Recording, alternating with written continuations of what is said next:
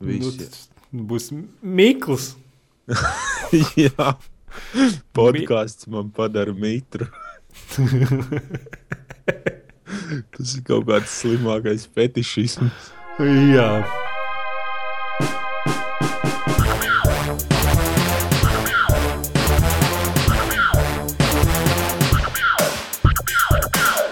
Sveicināti cilvēku podkāstā numur 90. Sasodīts apaļš skaitlis. Nu, cik no apaļš? Man liekas, 69 bija apaļāks. Uh, Nu, kāpēc? Nu? Kāpēc mēs šonadēļ ierakstām podkāstu, kas labs noticis tavā Es- dzīvē, es- izņemot cirvi vicināšanu, trenēšanos zombiju apakalipsei? nezinu, nekas īpašs, nekas patīkams. Nekas, nekas super jautrs un uh, kam, par ko vajadzētu stāstīt visai pasaulē. Nē, Skaidrs. life is pain. Tas ir viens no tiem. Nekas interesants nenotiek. Skaidrs. Es, es, es tur divas dienas strādāju oficiālā, un tad tas man priekš, priekš cilvēku, kurš nekad oficiālā nebija tā strādājis. un Man liekas, kā viņi vispār var to izdarīt. Tāpēc, ka es pēc divām stundām nevarēju vairs nosēdēt. Kādā sāka- ziņā, kas tev tur bija? Nu, nu ķipa sēdi visu dienu pie datora un kaut ko tur dari. Mm, tas man atgādina prakses laiku. Jā, Nosēdies 3x3 metru telpā, nu, pašam savs birojs. Un tad tā no, man liekas, no 9 līdz 5 vai kaut kā tā. Es biju izlasījis visus iespējamos žurnālus, kas tur bija, un, un vienkārši nav ko darīt. Nē, man, bij, man, man, man bija ko darīt. Tā- Tā nebija problēma. Bet problēma tāda man bija, ka, nu, ka tu it kā piecelies, tu aizēji kaut kur iztaigājies, atnāc atpakaļ un turpini. Un tad just fucking, kā var cilvēki to iz, vispār izdarīt? Un tad bija otrajā dienā, es jau biju pieredzējis, nomainīju krēslu, jau sapratu, ka nevar sēdēt vienā pozā. Nu, jau tā iemācījos, ka tur bija jāpaguļ, tad tur tā un šitā uz tā krēsla. Bišķi jāpaguļ. nu, tā, zin kā, jāizlaižās, bišķi tur jāizkustās tur biežāk. Tu kā gameris vēl to neesi iemācījies. Kas tā par lietu? Nu, bet, jā, bet saprotu, man jau, man jau mājās pats uzbūvēja to galdu, jo viņš superīgā augstumā, kas atbilst manam lieliskajam, milzīgajam augumam un citiem visiem lieliskajiem parametriem. Un tas krēsls ir tāds, ka nu, pilnīgi viss izļurkāts un viņā var vienkārši nu, izgulties tā kā gultā. Un darbā tur jau tas tur aizgāja. Nu, Nu, kas tur bija? Tur oficiālā pie tā arī bija jālieto. Nekas jau tur labs tur nebija. Tāds, nu. Nu, jā, man, manā oficiālā strādājot, visvairāk nepatīk tas, ka nav normāls gaiss un vienkārši tā stulbā, nezinu, nospiestības sajūta. Vienkārši. Tu esi četrās sienās un, un, un aiz nebija? redz ārpasauli. Ah, un- tev bija loks. Jā. Jā, loks man bija. Nu jā, nu, tur tā kā brīvi lidojošs putns nevar būt tik nospiests. Nē, nu pavasarī var skatīties, kā aiz loga trīsstāvīgi kaķi rodas. Ā. Nu, es teicu, man, man tas oficiālā bija tā, nu tā. Tad nākošajā dienā es jau tur pēc pusdienas laika vienkārši nolēmu, ka man jāaiziet uz veikalu. Nu, tur tāds gājiens, desmit minūtes. Lai... Nevis tāpēc, ka man kaut ko gribējās, bet tikai tāpēc, lai vienkārši iztaigātos kaut, kaut cik jēdzīgi attālumu svaigā gaisā. Un tiešām nesaprotu, kā cilvēki to var darīt katru dienu. Var, varbūt iemācīties kaut kādā veidā. Es nezinu. Jā, bet tāpat laikā daudz kas strādā tādas smagākas darbus, vai vienkārši tie, kas, kā es reiz Rimčikā strādāju, nu, tie atkal domāt, o, oficiālā forši mierīgi pasēdēt, mm, nekur nav jāiet, nav jānes nekas. Tas jau kā. Uh, nu, ir jau savi plusi un mīnus katram darbam, bet nu, es nezinu. Man tiešām likās, ka oficiālā ir vienkārši nu, ķipa sēdi tur vispār īzī manīm. Sēdi urbīna deguna, sēdi Delfos kaut ko. Bet, nu, tad tu pastrādāji tās divas dienas. Pirmajā dienā es domāju, ka es vienkārši atteikšos no tā visa pasākuma. Tāpēc, ka nu, bija nu, vienkārši neizturami. Tur jau Pēc, pēc četrām stundām, cik es tur nostrādāju, likās, Likās vienkārši mm, gribu nošauties un palaižiet man kaut kur paskaidīt. palākāt, palākāt puķainā pļavā. nu, kaut kā tā. Es nezinu, kur man liekas, perfekts darbs būtu tur, kur tu varētu bišķi pasēdēt, bišķi pastaigāt, bišķi pasēdēt, bišķi pastaigāt, bišķi padomāt. Es strādāju Google. Nu, Nu, paskatoties viņu oficiālu, nu, ok, tur jau tev arī jābūt speciālistam. tur jau ir lai baigie s- dīvaini visi. Nu. Un nu, tev nepatīk dīvaini. Vai tev patīk dīvaini? Man vispār pēdējā laikā es saprotu, ka man cilvēki nepatīk. Nu, kā tādi man, cilvēki man vispār. tieši tā, man vienkārši cilvēki nepatīk, bet es esmu arī dzīves laikā iemācījies viņus arī tā visai veiksmīgi noignorēt, vai arī, vai arī pasmieties par viņiem tā, ka viņi paši to pat neievēro. Nu, bet tev tik un tā ar viņiem jākontaktējās. Nu. Un pats, Nu, un? stulbākais, kad reizes dzīvē tev jākontaktējās nu, ar intelektuāli neattīstītām būtnēm. Tad tu Jā, man bieži gadās kontaktēties ar tādiem cilvēkiem, kas ir, kā, kā tu stāstīji, man liekas, par Assassin's Creed vai ne par Splinter Cell Conviction. Kad, kad labāk es eh, nezinu, sē- sēžu un ēdu zaķu spiriņus un līmēju pie, pie pieres izlietotas tamponas, nekā runāju ar tādu cilvēku. Tiešām tu pusstundu kaut ko skaidro, un pēc tam vienkārši zero fucks given. Nu, jā, nu tā ir. ka Liekas, ka netērē manu laiku. Es nezinu, vienalga. Eju tur pļaviņā palākot. nezinu, akmeņus pakrāmē kaudzītē. Tas būs. Priekš manīm tas būs izglītojošāk un interesantāk. Nu, kaut kā tā. Nu, tas vienkārši šodien te suņu būdu skatījos ar, ar Gustavo. Oh, Jesus. Ā, Kas viņš tagad ir kaut kāds tur artus? Alstaruls mirus kaut kā tam līdzīga. Nu, jā, nu, tad tam čalim ir jāizgaist ciet. Jā, nu, Gustavo? jā, viņam ir aizgājis ciet. Viņš kaut kādu nirvānu ir atradis. Nē, nē, saprotu, viņš, nu, viņš tāds tā kā, tā, tā kā mūsdienu zvejnieks. Nu, viņam tie, tās dziesmas jau viņam forši ir, nu, tā tie teksti un viss. Bet es domāju, viņš ir tik tālu pāraudzis sevi, ka viņam vairs nav kur likties. un Tagad viņš meklē kaut kādus sev jaunus tos challenges, un vienīgais, ko viņš tur var atrast, tas kaut kādās mistikās stulbās, nu, kaut kur, nezinu, garos. Man tas vispār no malas liekas tādu kaut kādu savu veidu uzmanības meklēšanu vai kaut kā tam līdzīga. Nu, nu pagaidi, pagaidi. Uzmanību meklēt, nezinu, izskrien futbola laukumā ar pliku pipeli vai plikiem pupiem. Tur tas zemenis, atceros, mums bija. Vai arī vienkārši esi Inese Saulīte. Nu, jā, vai tur nezinu. Kas tur mums tā pēdējā sarkaniem matiem, kur man joprojām patīk? Krievu dziedātāja. Ai, es aizmirsu. Nezinu, tiešām Nu, nezinu. latviešu dziedātāja, bet ne, es vienkārši atceros, kad bijām Nu, tukumā. tad krievu vai latviešu? Nē, viņa ir dziedātāji? latviešu dziedātāja. Nu, tā Tīna, Tīna, kā viņa ir. Tev jāzina, tā Tīna. Bleh. Samants. Jā, jā, jā, jā, tā. Es atceros, vienkārši, nu, ka tup, tukumā it kā notiek pasākums latviešu. Kā, nu, Misters Tukums vai Vāns parādās kaut kas tam līdzīgs. Es nezinu, ko man liekas, man tur draugs piedalījās. Tas pēc kaut kādas, nezinu, labas neteikšu. Nu, kurš Misters Tukums notiek, vai ne? Man tur draugs piedalījās, un es tur aizbraucu. Un tā viņi iznāk uz skatuves, kā visi runā latviešu, bet viņi pēkšņi sāk dziedāt krievu valodā. Un tu tur sēdi un domā, what the fuck? Nu, Un gan jau kaut kāds nu, tāds, nu, tāds nepopulārs krievu dziedātājs dziesmas, vai arī tieši otrādi populārs, bet kad tu, kad tu klausīties, tu gribētu nošauties, vai viņi nošaut, vai arī sākumā viņi nošaut, un pēc tam sevi nošaut, nu, kaut kā tam līdzīga. Mm. Bet tad viņi gāja nos no tukumā, no tās skatuves, nu, beidza dziedāt. Tad viņam liekas, vēl nebija populāri. Es viņai ar aci piemiedzu rītīgi. Jūs dīvaini manī Ū. paskatījās. Un tad tas ir pa laikam tagad, nu, tāds. Cilvēks, vismaz, kur es redzēju, jo pārsvarā tur viss tāds Raimons Pauls pat dzīvē neesmu redzējis. Es redzēju kaut kādu slavenību, nu, tādu nu, slavenību, es nezinu, kā to pasakā. Nezinu. Kaut kāds, nu, labi. Ieģels skaitās. Nu, nu, laikam atkarīgs, kur tu dzīvo un kāds tavs gadu vecums ir. Es domāju, ka. Es pat, es pat nezinu, kas viņš dziedātājs. Ja? Jā, jā, jā. Jā, nu kaut kas tāds, ne tev tur var Džordžs Siks, nu var pieminēt, es atceros, kad es kaut kādā pamatskolā mācījos, viņš pie mums nāca kaut ko tur rādīja, kaut kādus trikus. Ko? Nu, viņš kaut ko tur darīja, es neatceros. Es atceros, ka viņam, viņš, viņš bija pirmais tas cilvēks, kurš maziem bērniem nu, man parādīja to triku. Zini, kad īkšķi, ķipa, īkšķis ir, īkšķis pazūd, īkšķis ir, īkšķis pazūd. Nu, kad ar rokām tur tāds stulb, stulbības, ko maz bērni skatās un priecājās. Wow.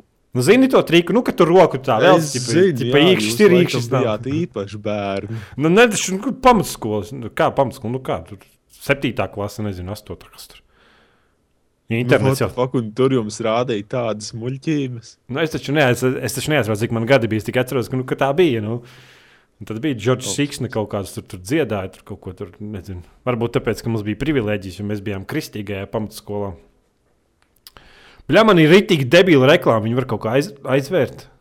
Kādu reklāmu? Kroča, tipa jauna meitene velk nost vecu ādu. Oh, Ko?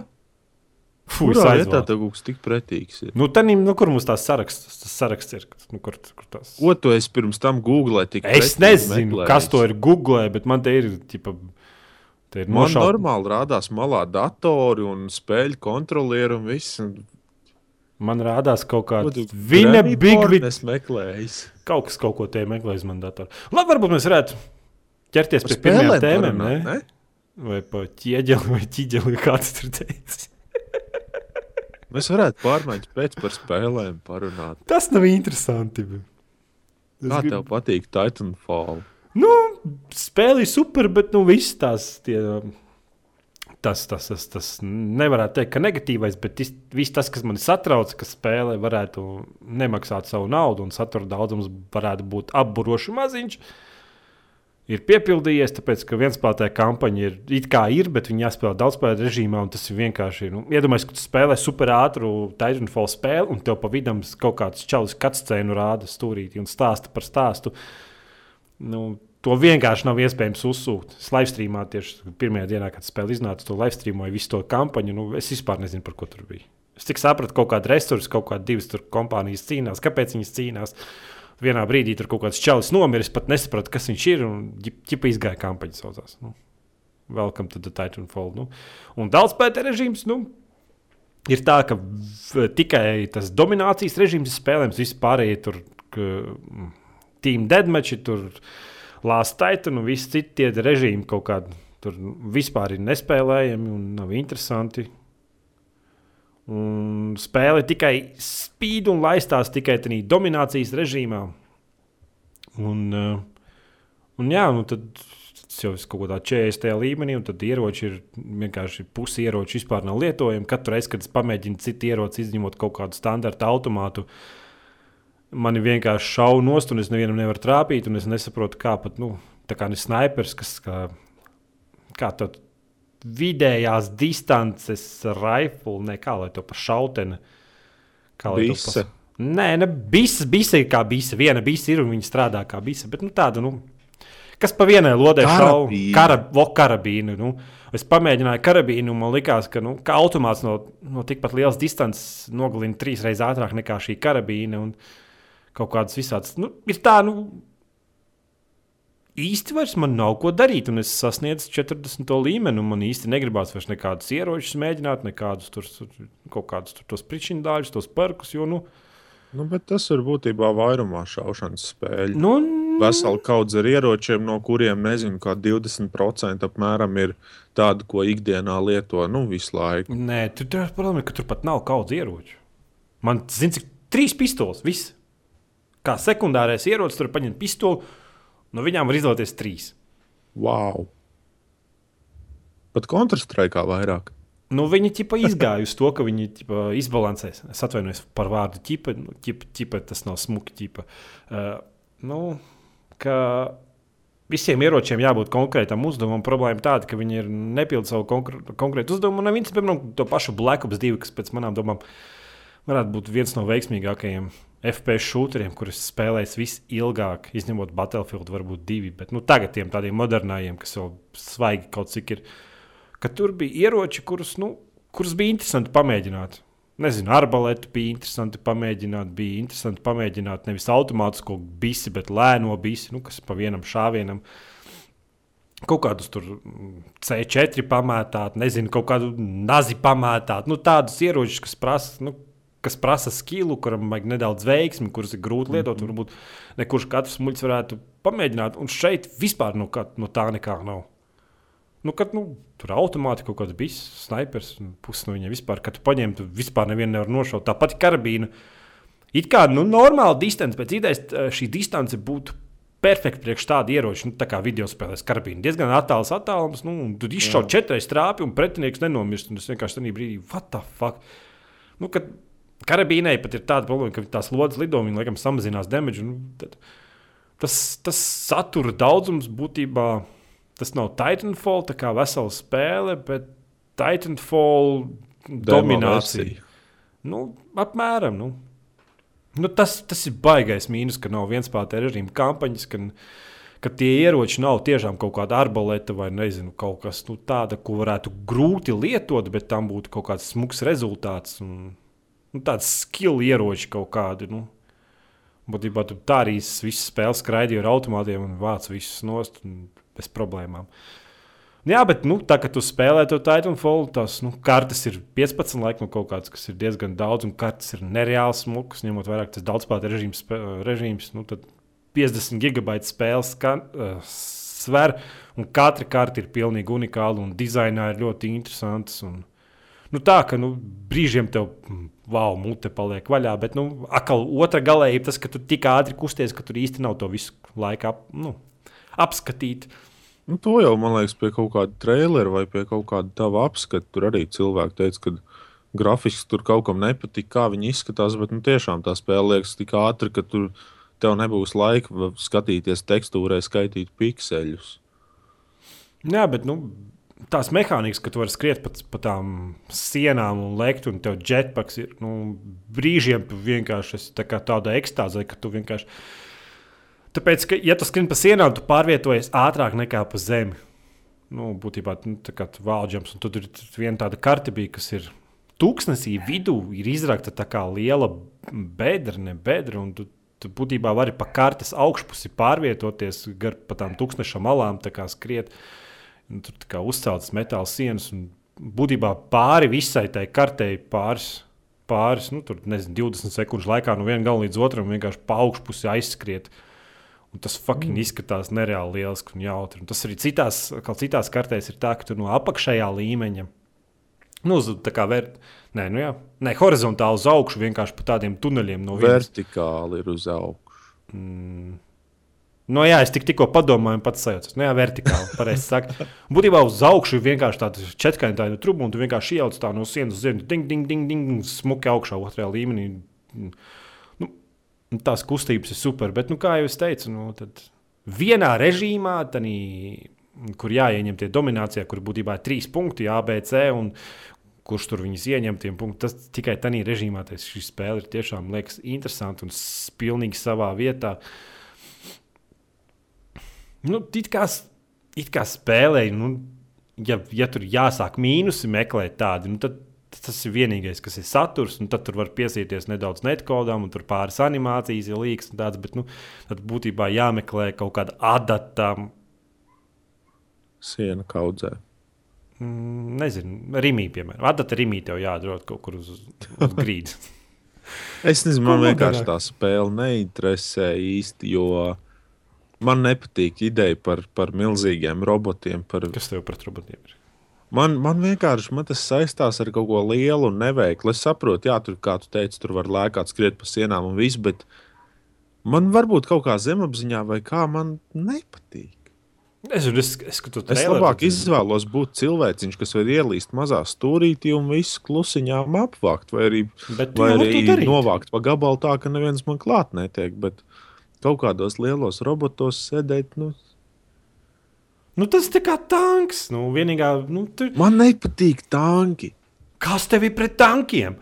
Nepatīk, viņi ir lieli un fucking neveikli. Nu, tie roboti jau ir diezgan lieli un neveikli. Tur jau tā lieta, ka tu vari vienkārši pārlikt viņiem pāri vai ieslēgt tā kā tādu klauku, un, ka tu paliec nedaudz caurspīdīgs. No robotā nevar redzēt, bet nu, cilvēki tev redz. Bet nu, vienkārši paskatīt viņam garām vai uzlikt viņam virsū un izraut tur tādu lūku un sašaut svarīgās detaļas. Nemaz īsti viņi neiznīcina, bet vienkārši ar parastu automātu viņu būtībā uzlikt un nošaut viņu.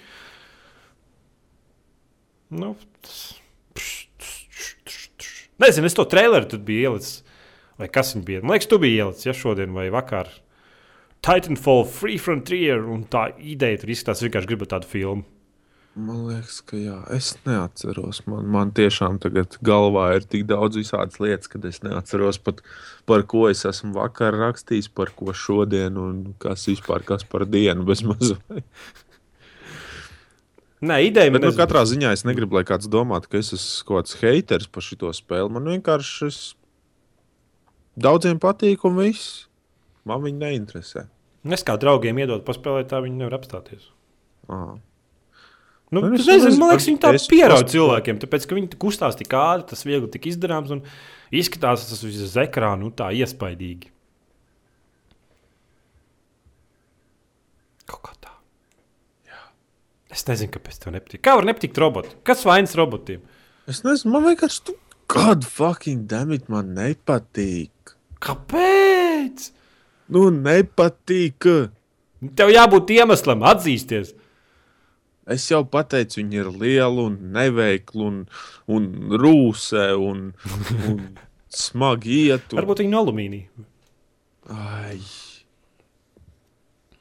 Pārklāti ar kaut kādu solidolu. Nerūsē. Un... VD40 balons mugursomā. Nē, es domāju, ka šī spēle var teikt, nu, visi ap- nevar jau teikt neko sliktu, bet nu, viennozīmīgi pietrūkst tās kampaņas un pietrūkst kaut kāda dažādība ieročus. Un, un tas progress ir tāds, ka nu, jau kaut kādā 20. līmenī jau dabū visu to, ko tu gribi, un viss pārējais, kas tur nāk, ir diezgan bezjēdzīgs. Nu, tieši kaut kādā onloki. Un nav vēlme vispār mēģināt nekādus citus ieročus, tāpēc, ka nu, tie parastais automāts ir tik efektīvs, ka nu, nu, vienkārši nu, nav jēga mēģināt. Tas ir daudzās spēlēs. Tādās, kur ir iespēja kaut kādas ieročus pielāgot. Tāpat kā tajā pašā loadoutā. Uh -huh. Man vienkārši nav nekāda vēlme mēģināt kaut kādus lazeru ieročus vai kaut ko citu. Mans sasodītais automāts un snipers ir labāks par visiem pārējiem. Un viss. Jā, bet nu, tas nu, sakt, arī pašā Black Opsā divi tomēr, nu, tādiem spēlētājiem, kā man, kas, nu, kad, kad, kas jau aiziet tik tālu, ka viņiem vienkārši vajag to spēli padarīt priekš sevīm grūtāku, lai viņam būtu kaut kāda interese spēlēt. Nu, tādi ieroči kā nezinu, tas pats arbalēts, kurš ķipa, ja netrāp, tad nomirst, bet ja trāp, tad nu, tāds krūts šāviens kaut kāds savs ego apmierināšanai. Un tad šeit nav tāda, tad liekas. Cik, saku, cik reizes pamēģināju kaut kādu citu ieroči paņemt, man vienkārši uzreiz gribējās iziet ārā no spēles, tāpēc, ka nu, tik neefektīvi salīdzinot ar sūdu automātu, ko jau tev pirmajā minūtē iedod spēles sākumā. Es domāju, ka Titanfall 2 būs fucking amazing spēle. Bet šo, ja jums ir kaut kādas šaubas, un jūs tur nezinu, nesat kaut kāds super uber multiplayer spēlētājs, man kaut kas atnāca dzīvoklī. Tāpēc būs jāpaklausās nedaudz kā suns reizē. Būtībā, ja jūs neesat kaut kāds super uber daudzspēlētāju režīmu spēlētājs, tad Titanfall iegāde tiešām nav vērts. Un Tā kā viss to sauc par kaut kādu jēdzas atnākšanu, Xbox viens glābēju un nezinu, ko tad. Diemžēl nē. Jo nu, man jau tagad, es nezinu, man jau vairs tagad negribas spēlēt. Tikai trīs dienas paspēlēt, man jau ir tāds diezgan apnicis. Kaut arī viss ir kārtībā, viss ir lieliski. Tās, tās stundas, ko es pavadīju, viņas fucking jautras ir bijušas. Bet, bet tas nav tas Call of Duty, ka tur nezinu, var spēlēt. Nolāpīju to Call of Duty pusgadu un joprojām liekas, ka kaut ko jaunu var atrast. Nu, ne jau par jaunu runāju, bet nu, par kaut kādiem Black Opsiem veciem. Nu, labi. Labi, 15 minūšu garais Edgara monologs par Titanfall ir beidzies. Bet vismaz mēs noskaidrojam, ka tev nepatīk sarūsējuši roboti. Nu, es vienkārši esmu visās spēlēs, kur es esmu ar robotiem saskāries, viņi ir fucking neveikli. Nu, bet tu spēlē to vienu no mīļākajām spēlēm. Tev ir pretinieki, ir tavi minioni, ir roboti. Ko? Nu, moba tā, ko tu spēlē. Monday Night Combat. Tur jau arī roboti, tur tikai roboti ir. Nu, tas, kas tie par robotiem, tie ir kaut kādi memļaki. Tie nav normāli roboti, bet nu, tādi mehi, tā kā šitajos šūteros, nu, labi, pietiks. Man Es saprotu, negribu heitot visu laiku par robotiem. Lai viņi rūsē un es viņus likšu mierā. Tev tur neskatījies, bija tā filma nesen kaut kāds, kur tur čalis apmācīja robotus kauties. Es Neatceries. skatījos. skatījies. Ja. Nu, Un tā vēl bija. Pacific, Pacific Rim, arī bija. Tur arī bija roboti. Tu tev var nepatikt. ai, to es no sākuma man likās, ka varētu būt smuki tikai dēļ spēcefektiem paskatīties beigās kaut kā. palaidu grausīm un nenoskatījos.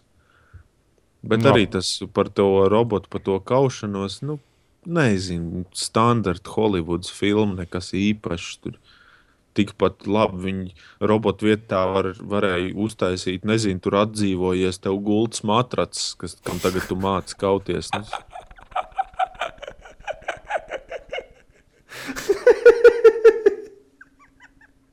Ko? Domā, tas nebūtu stilīgāk, ka kaut kāda atgremot robotu. Mākslinieks, ko tu māci kaut Mat, mat, tavs matracis attēlo kaut kādu Maiku Taisonu, tā viņa sauc. es nezinu. Man ir, nos, man ir nosaukums šim podkāstam jau. Labi. Oh, zelts! Labi, kāpēc tu spēlēji Need for Speed Underground 2 un kā tev? Nē, drīzāk nevis kāpēc, bet drīzāk kā tev patika vecie labie hip hopi, kas tur pa gabaliem skan. Tur ir tas sākumā, tu, tu, tu, tu, tu, tu, vai kā tur tās, tā dziesma, kad ieslēdz. Wow, tu būtu beatbox karalis. Jā, tas sākumā ir, man liekas, Snoop Dogg kopā ar Zedoras. Tā Jā. dziesma man patīk, man viņa vienmēr ir patikusi. Tā in the atsauc Storm tāds- kaut kā, tur, kaut kā tam līdzīga. Riders in the Storm, jā. Jā, Nu, tā spēle man vienkārši atsauc, atsauc tādas nezinu, nostalģiskas atmiņas. Un, un viņa vienkārši ir nepārspīlēta. Tāda pavisam vienkārši ar vienu roku tu viņu spēlē. Tur paskaties, kā tev forša mašīnīte slidinās. un Tāds, tāds casual driving kaut kā tam līdzīgi. Tu tur spoileris liki. Es centos kaut kā, kā, kaut kā neaizrauties ar to. Nu, Paļāvām uzlika kaut kādu naklienu uz sāniem, kaut kāds strīps noteikti. Ne. Es uz vienu brīdi uzliku tikai tāpēc, ka tas tur spēles progresam vajadzīgs. Tev tur tas nesmukais vārds ķīpa. Jāuzķūnē savu mašīnu, lai, lai tur vizuāli viņi tiktu novērtēti pēc kaut kādām tur mistiskām zvaigznēm un whatever. Pēc kaut kādiem nu, tā kā, tām aktīviem. Es tik gudri biju izdomājis, ka pats sajūtu. Labi, tas joks jau ir pagājis garām, un es viņu Nu, vienkārši, tu, come on, tu neesi spēlējis to spēli. Kā nesu spēlējis? Vispār esmu labākais braucējs undergroundā. Mēs, mēs atceramies, ka mēs sētā visi spēlējām, un tad mēs vakaros vācāmies online, un tad sacentāmies dragreisā. Un... Tad Jā, Tad baigais bija tas dragreisā, vienmēr bija baigais, baigais šis te bija. Nu, tāds baigi krūti bija. Tu viens iebrauca melnu golfu, ar tādu rozītu sānu, man kaut kāda zila sūda mašīna. Un, un tad baigais tāds.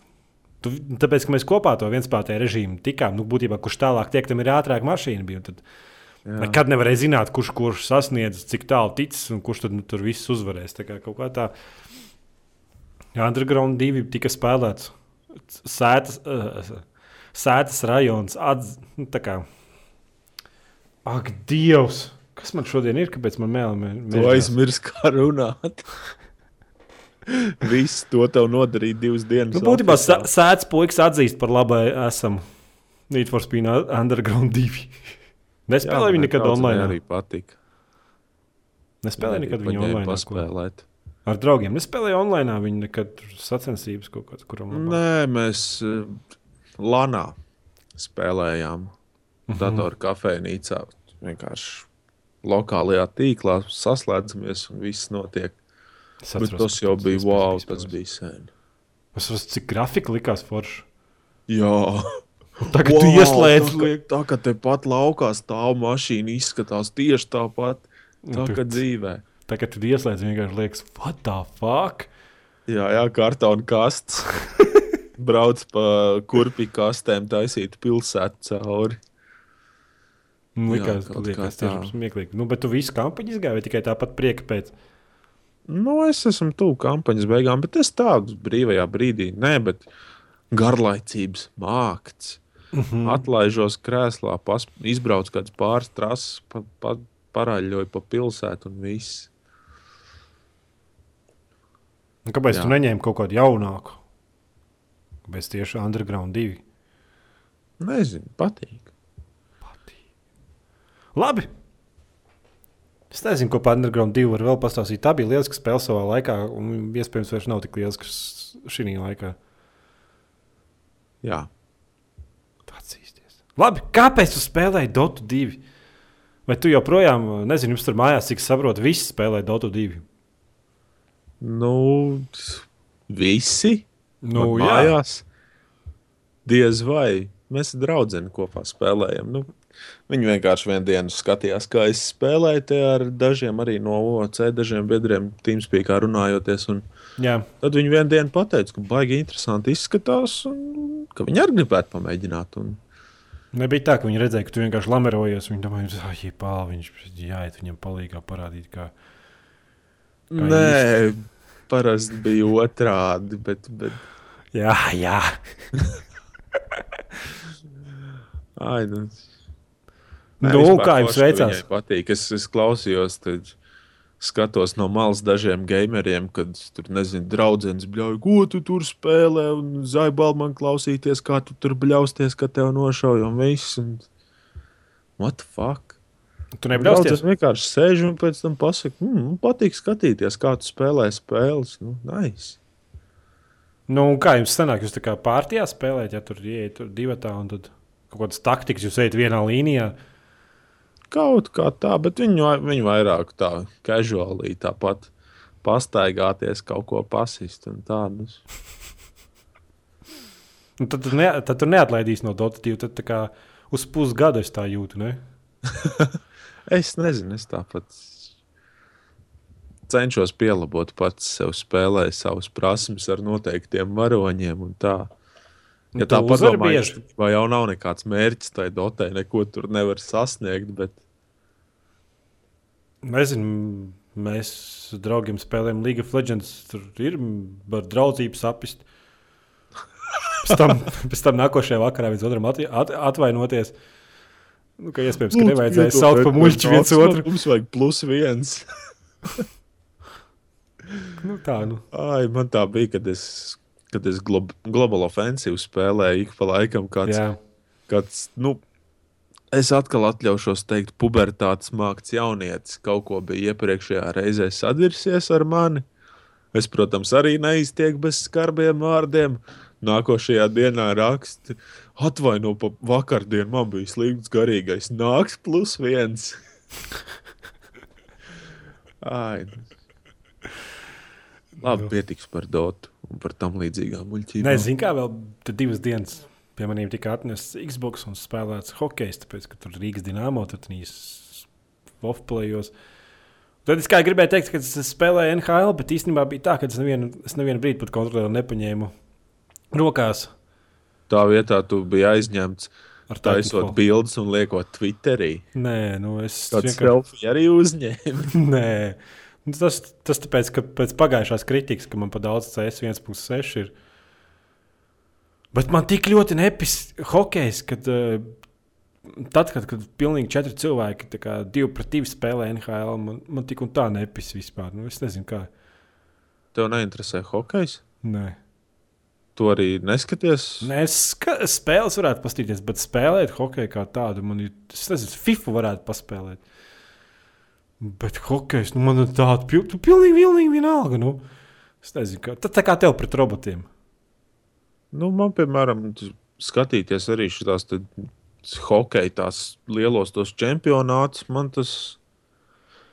Nezinu, es varu kaut ko, kaut ko citu padarīt tajā laikā, lai citur bļaustās. Un, wow, vārti, jēj, super. Nu, cilvēkiem patīk, lai priecājas. Man tas. Tu vispār sportam nekādam neskolīji. Nē, Es ik pa laikam League of Legends turnīrus paskatos. Nē, to var nosaukt par sportu. Nē, nu, protams, e-sports jau ieņem tagad tādu visai stabilu vietu. Tāpat kā paga, pēc trīs dienām iznāk tā filma Free to Play par Dotu. Es man liekas, rakstīju pirms kāda laika. Jā, jā es, jau, es jau viņu lejuplādēju Steamā, jā, es arī uzliku stīmā. Prīlaudot. Ne, vienkār, vienkārši atšķirības starp sportu uh, un e-sportu ir tā, ka e-sportā viss ir neglīti. Nu, tā jau nu, nav gan. Nē, nu es Daudz, nezinu. daudziem e-sportā, tādās komandās, daudziem vispār ir prasības, ka tur ir nu, baigi arī jākopjas sev. Nevar tur tāds vāsi aiziet bārdains un nemazgājies ar taukainiem matiem. League of Legends turnīrus es skatījos, neizskatījos. Nē, nu es esmu skatījies, bet nu, tur vismaz viņi ir nomazgāti. Cilvēki daudz maz. Nu, labi, jā. Varbūt es neesmu tiesīgs. Um, noteikti cilvēki neglīja tīvas status. Jau kāds tā. var tagad piesieties par to, o, tu pats domā, ka tu esi baigi līdz un tā. Nu, Nu, es esmu man resns. pašam ir bieži sanācis tā, ka cilvēki vienkārši uzskata, ka, ka tev nav tiesības nevienam teikt vai par to, vai kāds ir glīts vai neglīts. Bet, nu, es atceros, nesen es ie- ierakstīju Twitterī par vienu meiteni, kur vienkārši ar Photoshop sev taisa bildes tā, ka viņai aiz muguras sienas un durvis saliecās, un ka viņai make-ups ir vienkārši centimetru biezumā, un es uzrakstīju, ka nu, tas, tas ir nenormāli neglīt, manuprāt. Un tad tur arī sākās cilvēki, sāk man rakstīt, ja tu uzskati, ka tu esi baigi glīts un tā tālāk. Nu, fuck off! Ir fucking viedoklis. Ja tev viņa patīk, ej, ej palīdz viņai smērēt to make-up virsū vai Nē, šis pakteļģīmi ir labi. Mēs jau ierācām arī pa brīdim, nu, kad paņem jāvu samalts, paņem to špakteļu faktoru lāpstiņu. Tādu normālu, nu, tādu, ko tu. Pamatskolā bija viena klasē, viena meitene, kurai, nu, es nezinu, kā to salīdzināt, tur dažādas toņu pakāpes vai kā, bet viņai reāli, viņai seja līdz žokļa un zoda līnijai bija tāda tumši brūna, nu, tā kā iesauļot, bet nu, no make-up. Un tad sākās kakls, kas bija bāls, tā it kā viņa būtu pagrabā augusi. Šausmas. Tā it kā viņa būtu uzlikusi kaut kādu masku virsū. Ai. Es nezinu, man pēdējā laikā vispār es redzu, ka kaut kādas meitenes tur izbalina matus, uztais kaut kāds, man liekas, cik, cik fucking neglīti. Nu, kad, kad dabīgs ir smukāk. Nu, jā. Es nezinu. Es kādreiz arī pats krāsoju sev matus. tad ir tās meitenes, kam aug gūsiņas. Nu, tas Dabīgs ir smukāk, jā. Nu, jā, tur jau vairāk hormonu vienkārši. Vienkārši vajag zināt, ko saskatīt. Nē, bet tas vispār ir šausmīgi. Kādā ziņā. Zināms, ka tās meitenes, kam tā ir. Nu, bet tad mūsdienās ir 150 līdzekļi. Nu, vīrieši var pēc dabas smirt, bet. Nu. nu, pēc, da pēc dabas vīrieši spēj, bet viņi jau kaut kā ar to tiek, tiek galā. Nu, vismaz nu, tie, kuriem es satiekos, kaut arī darbā mums Piemēram, ik pa brīdim gadās kāds ieskābis, gurķis. jā, jā, ir gadījies man arī ar tādiem, ka, piemēram, citreiz aiziet uz kādu koncertu. Nu, mums te draugu lokā ir viens tāds džeks, kas, nu, cik nu draugs, bet, nu, zinu, vienmēr ir, ir kāds cilvēks, man liekas, katram ir pazīstams viens tāds cilvēks, kas viņu it kā neviens īsti neaicina nekur, bet viņš vienkārši uzrodas. Es Tas viens cilvēks, kas vienmēr tur kaut kur ir. pats par sevi jāatnāk. Nu, jā, un, Un jūs viņu tā kā nekauns, viņu dzīt projām. Jā, un tad viņam kaut kādā koncertā uzliek roku uz muguras. Nu, ķipā viss tur barā kaut ko nedejo, bet nu, kā var nosaukt to metālu stārdīšanos? Nu, paga, Un tad ko- pēc nu, tam tu jūti, ka tev reāli ir roka smird. Nu. Oh. Kā viens džeks teica, es viņam uzliku roku uz muguras, un man likās, ka es esmu roku ielicis peļķē. Ko jūs tur nodarbojaties? A, kā jūs dejojat metālā? Nu, izstāst nu, to. Tu tā kā galvu, tu tā kā, nu, tā kā video klipos krāta, ka tur galvu tur mati plīvo. Jā, kaut kā tā apmēram tas arī notiek. Bet jums jau tur meitenes nav apkārt. Būtībā tur ir nu, 150 veči, vai ne? Nu, cik- 150 mataini veči. Nē, meitenes īstenībā arī ir daudz. Jā. Lai gan savā ziņā baigi sūdīgi pēdējā laikā. Nu, senāk, te Liepā, ja tas klubs Fontaine Palace bija ļoti tāds. Nu, vienmēr, kad tu aizgāji uz kaut kādu koncertu, bija forši, tu varēji redzēt visur tos metālistus vai vienkārši tā saucamos matainos un tādus. Mm -hmm. nu, jūties savā vietā. Un tagad tu aizjūti vienkārši fucking saldi ar saviem rozā krēkliem. Un... Nu, Pagaidām, tur ir hipsteri vispār ņēmuši. Ja? Nu, es nezinu, kurš mūsdienās vēl projām staigā rozā kreklā. Nu, tādā, nu, tādā džemprīs, nezinu. Tas, tas jau tas var Tie, nav kas ko- aiziet uz klubiem, kaut kādas klubņikas paklausīties, un tā, ka tev auss sāp no tās no tā vienveidīgā basa, un kad te aizēji mājās, un tev jau sirds tajā basa ritmā sitās. Man patīk smoke mašīna. Puf, puf, smoke mašīna. Puf, puf. I don't judge.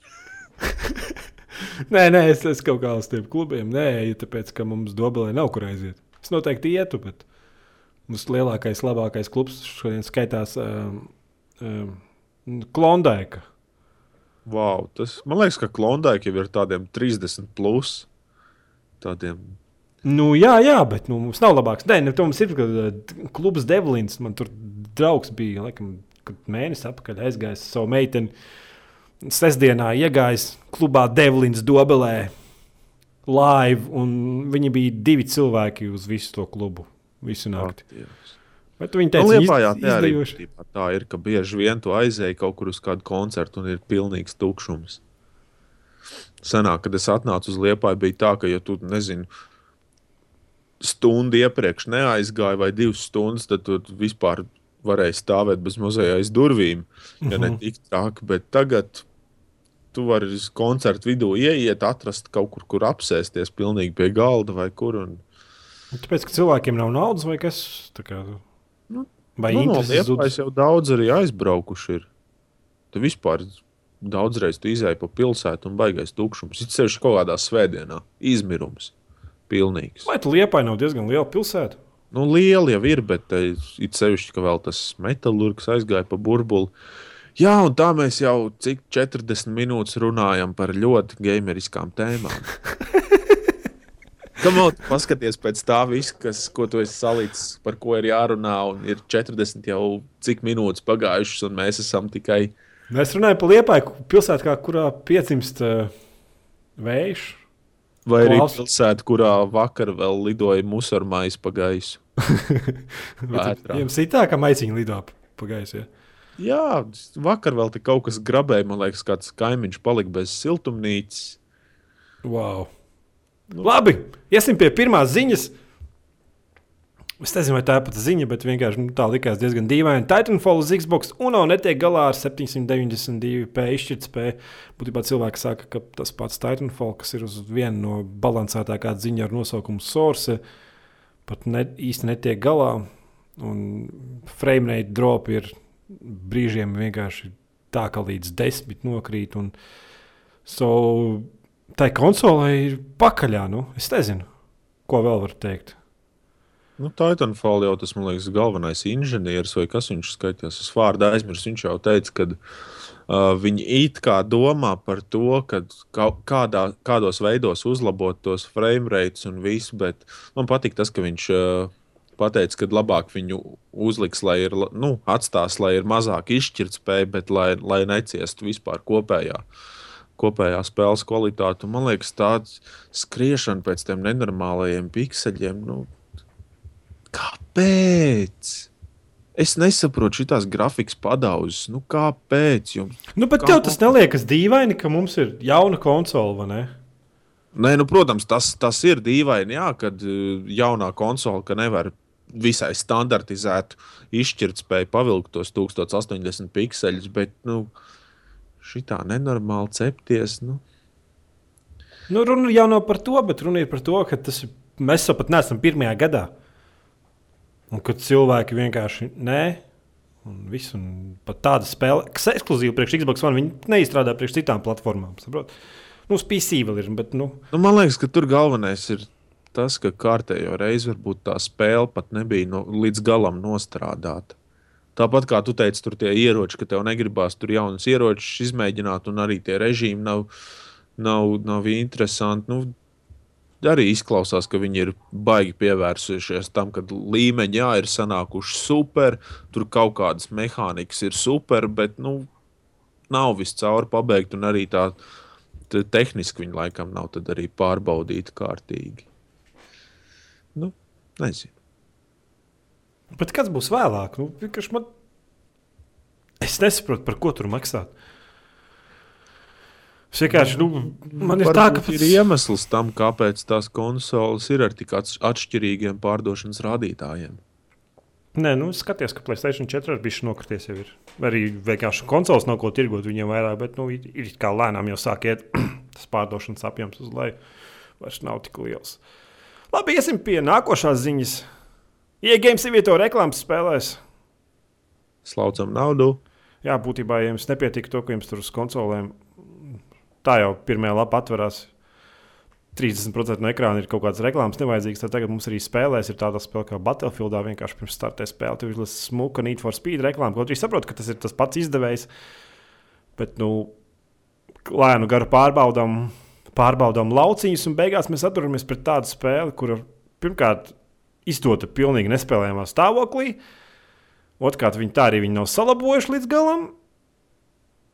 Un Nu, treškārt, pirms ar startē, un tev vēl par to, ka tu samaksā par spēli, vēl pirms nu, sāc spēlēt, tev jāpaskata reklāmas. Ir. Tas, tas man liekas, tieši kā tu teici, ka tu samaksā par spēli un vēl reklāmas jāskatās. Tas man liekas, stulbi. Es saprotu, visādās free-to-play spēlēs, ok, kaut kā tā, tā nauda ir izdevumi, ir jāsadz un tā, bet kam on tu? Un arī tas Battlefields, nu viņi nav lēta spēle. Nu, kā, nu, pilna cena, jā. Nu, un kam on tādā vēl bāzta reklāmas, tas man liekas, ir ļoti, teikšu, kretīniski. Un Vēl Need for Speed. Nu, es, sapra, es, es neko neteiktu, nezinu, Need for Speed spēlē. Tur būtu Need for Speed reklāma par kaut kādu jaunu filmu, bet, nu, bet nu, tas jau vienkārši smieklīgi ir. Es nezinu, cik beigās mums redzēsim, nezinu, spēlēs iekšā. Tur kā Battlefieldā skaidri pa kartim, tur kaut kāda plakāta, kas reklamē jaunākos tamponus, nezinu, tur jaunākos spārniņus un čipšus vienalga. Off! Skraidīs Gustavs un reklamēs ādažu virpuļus. Oh, Atceries to reklāmu? nebija nevainas. Viņi tur pēc tam divi gadi plosījās. Oh, es tur gāju, lai klipam sadabūtu naudu. Bla, bla, bla, bla, bla, bla. Virpuļi joprojām tirgojās. Es kā šodien ēdu. Tā kā tas produkts, tā reklāma ir atpelnījusi. Būs tie nav patikuši. À, man atkal patīk parasti tādi kaut kādi. Nezinu.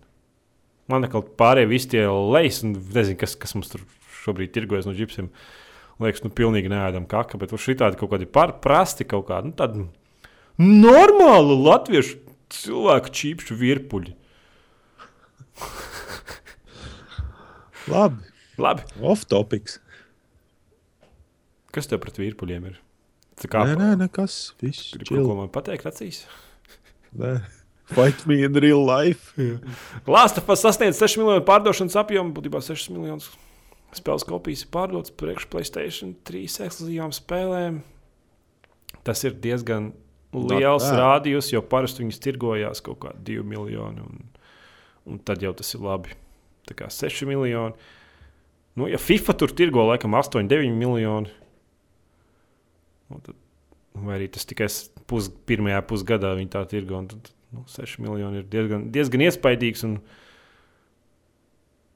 Vajadzētu izspēlēt, man arī, bet pilnīgi negribās pirkt vecu konsoli. Kaut arī spēļas, spēles tur diezgan daudz, ko es gribētu spēlēt. Labi, tad pēdējais jaunums par spēli, kur mēs, laikam, divus podkāstus atpakaļ nevarējām atcerēties viņas nosaukumu.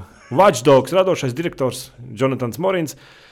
Tvītri izteicies, lai pabeigtu spēli, nepieciešamas 35 līdz 40 stundas. Un man ir jautājums tev, vai tas ir plus vai mīnus? Zero fucks given. Nespēlēts Watchdogs. Man, man nepatīk tas, kad baigais hype ir atcelts. Vis, visās malās tev- tev runā par to spēli. Nu. Nu, jā, jā, bet mēs esam spēļu industrijā. Es zinu, ka mēs esam, bet nu, Ne, nu, tā vairāk... ideja ir laba un viss. Bet, nu, Nu, nu, tas, tas, ka viņš Twitterī ieraksta to, ka nu, 35, 40 stundas nepieciešams, lai pabeigtu to spēli. Nu, tas man liekas, ir vienkārši mārketinga gājiens, lai cilvēki atkal saceptos un lai, lai tagad baig, baigos deadlines uztaisītu sev vai kā. Kad, Vot tagad pēc divām dienām vot es varu gaidīt, skatīties visās malās, ka parādīsies informācija par to spēli. Nu, Nē, es vienkārši vairāk tas jautājums bija par to, ka vai tu būtu gatavs tagad spēlēt spēli, kurai nepieciešams, lai pabeigtu viens spēlētāju kampaņu 35 stundas.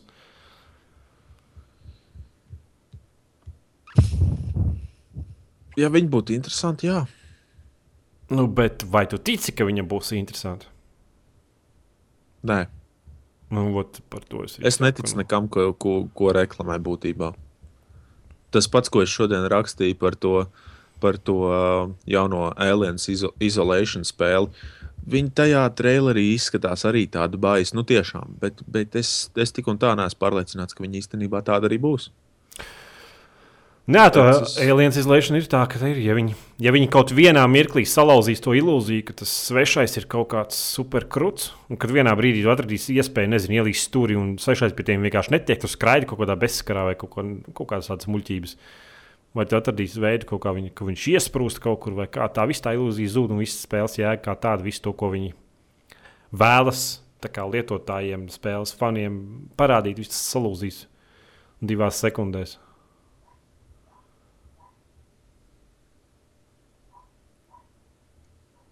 Klusuma brīdis. Es nezinu, nu, kaut kā tā.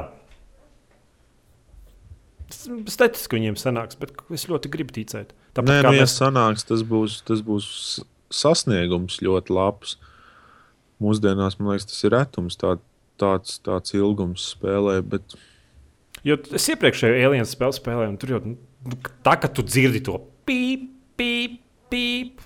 Es, nu, tu vienkārši, nu, tev ir tas, tas, tas nostalģija, tas, tas, tas, tas, tas brīdis, kad tu pirmo reizi skaties pašu pirmos svešos pārmīzes biksiņas, ieķēries spilvenā. Atgriežas vienkārši. Nu, es neticu, ka viņiem sanāks. Jā.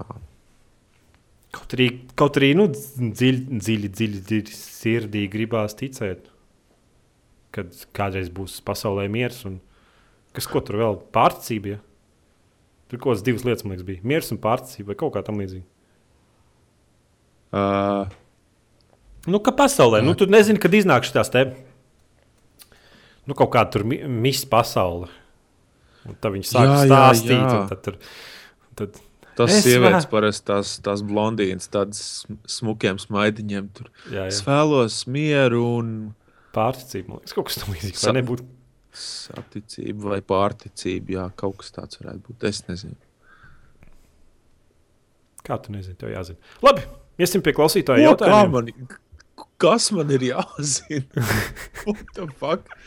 Es gribētu- esmu piedalījies Ew, es pasauli. Es, es pagājušajā gadā griezos pie tevis kā pie Half-Life modes speciālista, un tu mani pievīli. Tagad es tev griežos pie tevis ar tādu faktu, nu, ka tu esi visu pasauļu tekstu speciālists.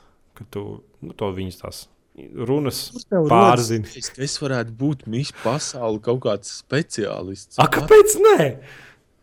Kāpēc? Jā. Kāpēc man, la- kāpēc man lai rastos kaut kādas, nu, kaut kādas domas, ka tu neesi?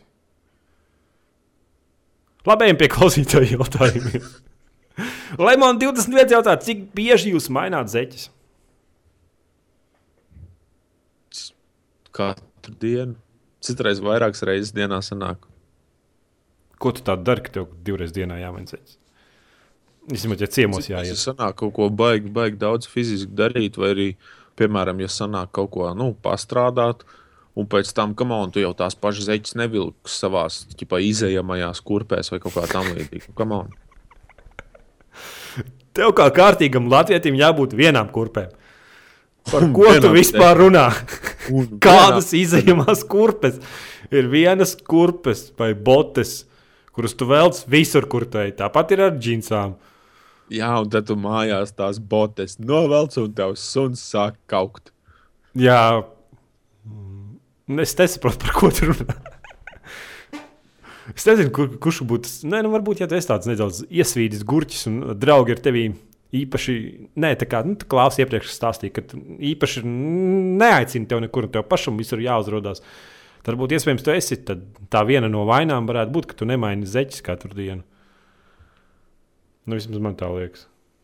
Es nezinu, Nu, kā. Mēdz būt tādi cilvēki. Nē, nu ir jau arī, protams, fizioloģija. Citiem tur kājas baigas svīst, un citiem baigas mird. Un citiem ir tā, ka viņi aiziet ciemos, visi tur staigā bez kurpēm, un viņam pasaka, nē, ne, labāk nevelc. Nu, mēs, mēs vēlamies dzīvot. Jā, Kam bērnībā grib, gribēja līdzināties Vu? Es Pak, pak, bērnībā, ūdenzirns jautā. Ūdenzirns daudz jautājums jautā un nelabo un nelieto pogu labot. Tāpēc Jā. Mēs visus nelasīsim tikai tāpēc. Kam es gribēju līdzināties? Eminemam! es kādreiz biju reperis. Jo, mēs rakstījām Es tekstus. negribu piesieties, bet tu, no tevis sanāk tu drīzāk kaut kāds bigijs. Tur bija kaut kāds bigijs reizes. Nē, man meitenes teica, ka es izskatos kā Eminems. Tu man apvaino. Kad man bija 17 gadi, tad tas bija krūti staigāt biksēs, kurās ir grūti pastaigāt. Un Jā. vilkt kapuci, un tur to lakatiņu apsiet sev virs galvas, tur keponus sāniem uzvilkt. Jā, un sasveicināties ar, sasveicinoties ar draugiem, teikt, what's up, my nigga? Nē, tā, mēs- kā, nē, tā mēs ne. Mēs teicām, mums bija normāli. Mums kaut kā nebija tā. Es vienīgais biju reperis, tāpēc nu, man nebija ar ko tā darīt. Vienkārši. Un tad tu mājās pie spoguļa trenējies tos, tos interesantos sasveicināšanās veidus, kā, kā normāli cilvēki vienkārši paspiež roku un reperi tur Jā, pusminūti kaut kādas breakdances taisa ar rokām. jā, varētu tā būt. Nu, bet bija, bija, bija, ko darīt. Nu. Kat, katram bērnībā ir bijuši savi, Nē, nu, protams. savi plusi un mīnusi, un es nu, Man liekas, ka slēpt. katram cilvēkam apmēram tā uz 20 gadiem sākās tas, kad paskatās atpakaļ uz savu 16 gadnieku vecumu un tāds, oh, my God, what the fuck? Kas, kas notika ar mani? Kāpēc es tā darīju? Es tev pateikšu, kāpēc to darīju. Hormoni. Pubertāte. Pubertāte. Man, zin, kā, man vienā brīdī bija uh, mati nokrāsoti zaļi, izdzīts Oh, oh, zirneklis, un tad bija tāds atsācis matu kušķīts, kurš nokrāsots melns, un tad, tad žēlēju viņu varēja uztaisīt, ka viņš izstāsta pēc zirnekļa. Cool. Vai, nu, nu, kā, nu es frizētavā mācījos, nu, šis, kā, kāpēc, lai ne? Kaut kāds. Nu, man bija rītīgs, zini, kā tas dīvains internetā rāda. Jā, jā. kuriem es mātīju kaut kādu jocīgu. Man bija zirnekļa tīkls zaļš, tāds, un tur bija zirneklis virsū. šausmas. Nezinu, man joprojām ir skatos apakaļ. Tagad man liekas, tas. Ta, Es iztēlojos to skatu, un man liekas, vienmēr, kur es uzduršos kaut kur locē, kādam tavam komentāram, vai kur man, man galvā tagad būs. Man kaut kur vēl ir, liekas, tev kaut kas tāds bija jāstāsta? man liekas, kaut kur vēl bildi ir, kur man ir uh, viena galva melna un otra balta, tā kā Eminemam. Un tad Viena, gal, ku, viena galvas puse par ir melna. kādām galvām tu Nu, es atvainojos, man mežģījā smēlē. ka- Nu, viena, galvas, viena galvas puse ir balta, otra melna nokrāsota. Nu, viena izbalnota, otra Nē, melna. tas jau mainstreams. Jā, daudz tādu bija. Es nezinu, man liekas, vienīgais bija dobulē. Reprezentēja To vēl dobulē. var būt, bet es, es tādus cilvēkus biju redzējis arī. Cik ļoti tev gribējās viņiem iesist?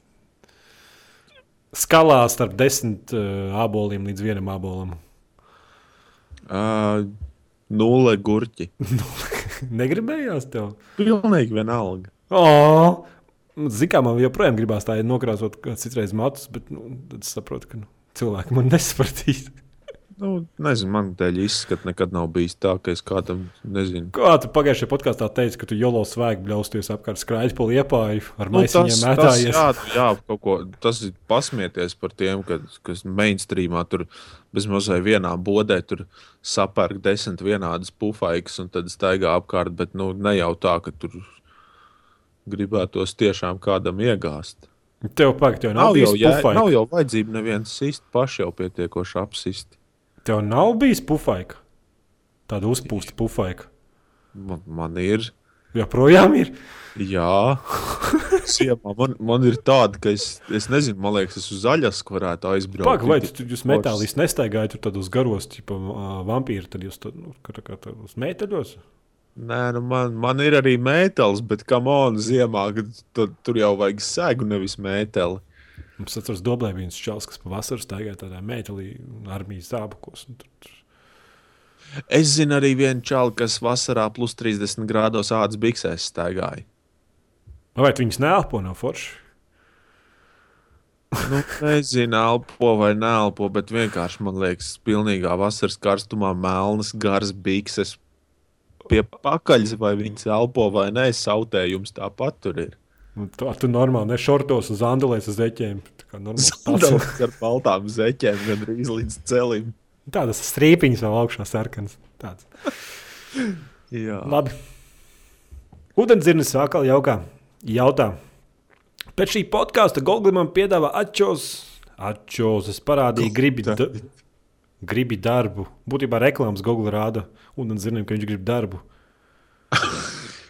es nezinu, man, man, man piedāvā. Man kaut ko šobrīd piedāvā spēlēt World of Tanks un kaut kādas degvielas cenas pārbaudīt. Ah, man piedāvā Xbox kontrolieris kaut kādas ķīniešu ražotos un ķīniešu ražotos smilšu krāsas metāļus, un dateks man piedāvā dators Core i7 Pro Gen 4 Ultra Gaming, whatever fuck off. Skaidrs. Skaidrs. Labi, ka mēs tur palikām. Pēdējais, akap, nē, pēdējais, nē, tas, nu, tas, tas, tas kaut ko savs. Pēdējais salonieks. Es mācos dizainu kopā ar vidusskolu, bet pēc tam domāju, iet turismu. Kā varbūt vari pastāstīt, kas tieši tur notiek? Es nezinu, kurā skolā viņš to mācās, bet, bet piemēram, Liepājas universitātē nē. Tā bija viena no tām vietām, kur Zini, kā ir daļa cilvēku, kas vienkārši grib dabūt papīru. Viņiem pilnīgi pie pakaļas, ko viņi mācās. Galvenais ir kaut kāds papīrs, un pēc tam viņi tāpat strādā Rīmčikā. Uh -huh. Tur arī tas pats turismā ir nenormāli mazas prasības. Un, un uz turismu ir jāiet tad, ja tu, ja tu tiešām dievini strādāt ar cilvēkiem, nu tā, ka visu laiku runāt. Plus vēl tad, ja tev ir vismaz trīs valodas cilvēki. Perfekti, tu zini latviešu, krievu un angļu valodu. Uh -huh. Ja tu, ja tu geogrāfiju ļoti labi pārzini un tam līdzīgas lietas, bet Na, ko tu vari darīt? Tu vari kaut kādā turisma tu firmā vari iet. būtībā strādāt gidu? turisma informācijas birojā vai arī kaut kādā ceļojuma aģentūrā vai arī viesnīcā. Bet, nu, vai tas nav tā, ka, tā, ka tās, tās, tas virziens, tas, tas, tas, tas, tas darba daudzums ir tik minimāls, ka tur to turismu aģentu vispār nevienam nevajag. Jo, nu, būtībā, nu, es nezinu, jebkurš jau var iet. Nu, tāpēc jau arī daudz tie, kas pabeidz, viņi strādā kaut kādās viesnīcās par tiem, kas, nu, ķipā administrators, kas tur pieņem tur tos pasūtījumus, ne, bet, nu, pierakst istabiņas un Mhm. tam līdzīgas lietas. Un, un daudz arī es sanāk, arī, kad es strādāju Rimī, man bija kolēģi vien, kas arī bija pabeidzu, pabeigusi tajā pašā skolā turisma ar augstām atzīmēm, un viņi strādāja Rimī par kaut kādu parastu krāvēju, ne, bet kaut ko tam līdzīgu. Brīvīgi mazgā salātus. Nē. Nu, tev, tev, tu tā kā esi strādājis Rīgā, tu esi parakstījis kaut kādu dokumentu, ka tu tur divi gadi nevar iz, izpaust uzņēmuma noslēpumus. Tur.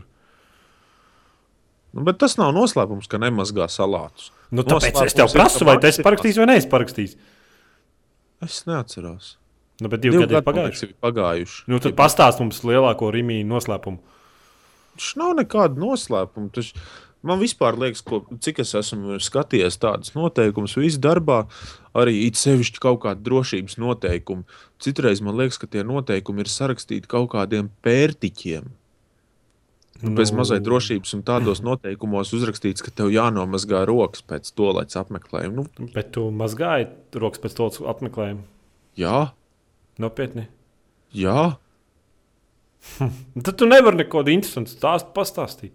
Nu, bet nav nekas interesants. Tur nav jau kaut kāds valsts noslēpums, ka tā kā deputātiem, ka tev tur nezinu, cik mēneši jāgaida, lai, lai tu dabūtu kaut kādu piekļuvi kaut kādam oh. mistiskam. Kaut Es kam. domāju, ka tu kaut kādas salātus mazgājies vai kaut ko nezinu, tur vecām precēm, kaut kādus tur citus datumus līdz virsū, lai viņas būtu jaunas. Tur.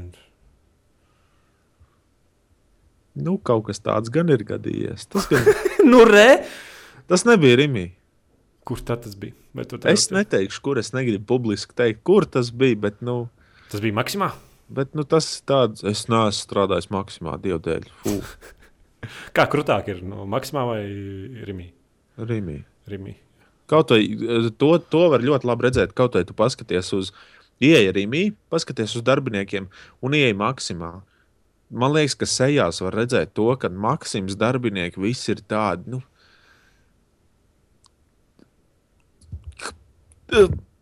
Es pat nemāku pateikt, nu vienkārši bez jebkādas kur- nākotnes. kur labāk maksā? Un viņi ir bezcerīgi, jūtās un šausmīgi.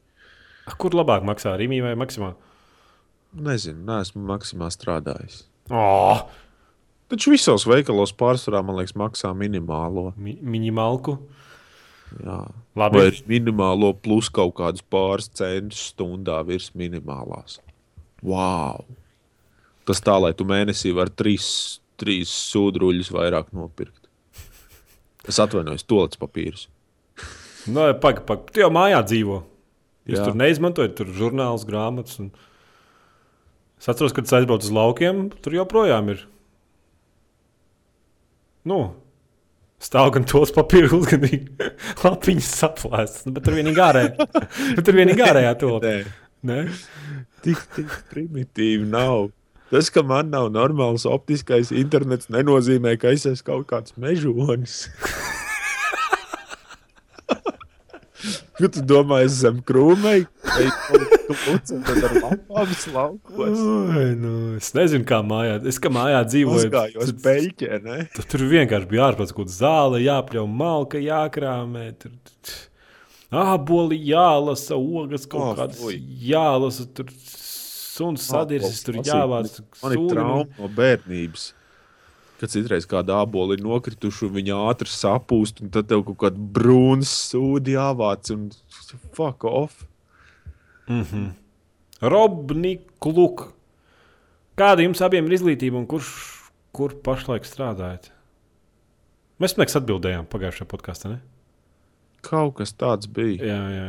Kāda jūs prāt, kāda jūs prāt visperspektīvākā nozara, par kuru iet šobrīd mācīties?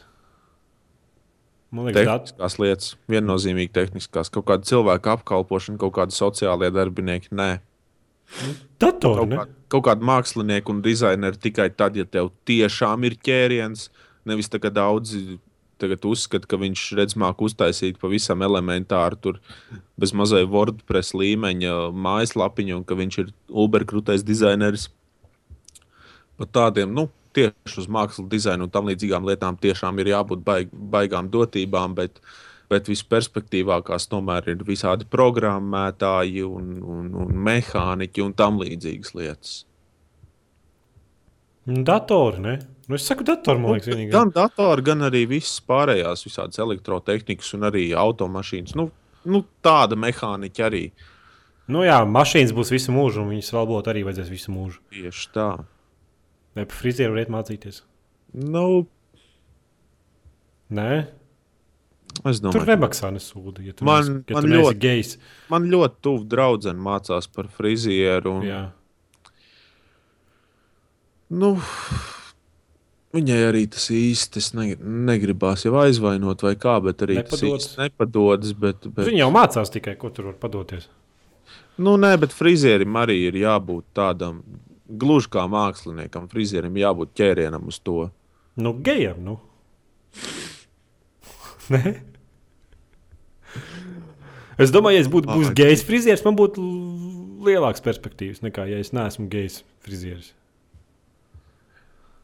Nu, man ir pazīstams viens negejs Jā. Bet viņš, bet viņš izskatās no malas kā gejs. Nu, pēc apģērba kaut kādām tādām, nu, tādām lietām. Nu, kad... Man liekas, ka nē. Ai, nu, tu jau, Nav ko viņš dara? Bet, bet viņš ir ļoti profesionāls frizieris. Un, jā, Sanāk. jā. Nu, viņš tev ir kaut kā tur to ezīti, tur pa vidu tādu zāģi uztaisījis. Nu, tā kā metālistiem pienākās. Vai tu tāds ne? Es negriežu matus. Tu vienkārši. Es, es, es palaidu brīvvaļā, dzīvo. Kāda dušā ieeja? Nav tā, ka tu, izskaties tā kā nu, nu, nu, tas, tā meitene, kas no televizora izlien ārā. Šausmu filmās, ka viņai tur mati priekšā visu nokrīt. Es Vai jau tev- gribēju teikt, vai tu draugos neesi redzējis, bet nē, tu taču ar mani nedraudzējies. Man nē, nav nu, draugos, Man, man nav tik gari matis.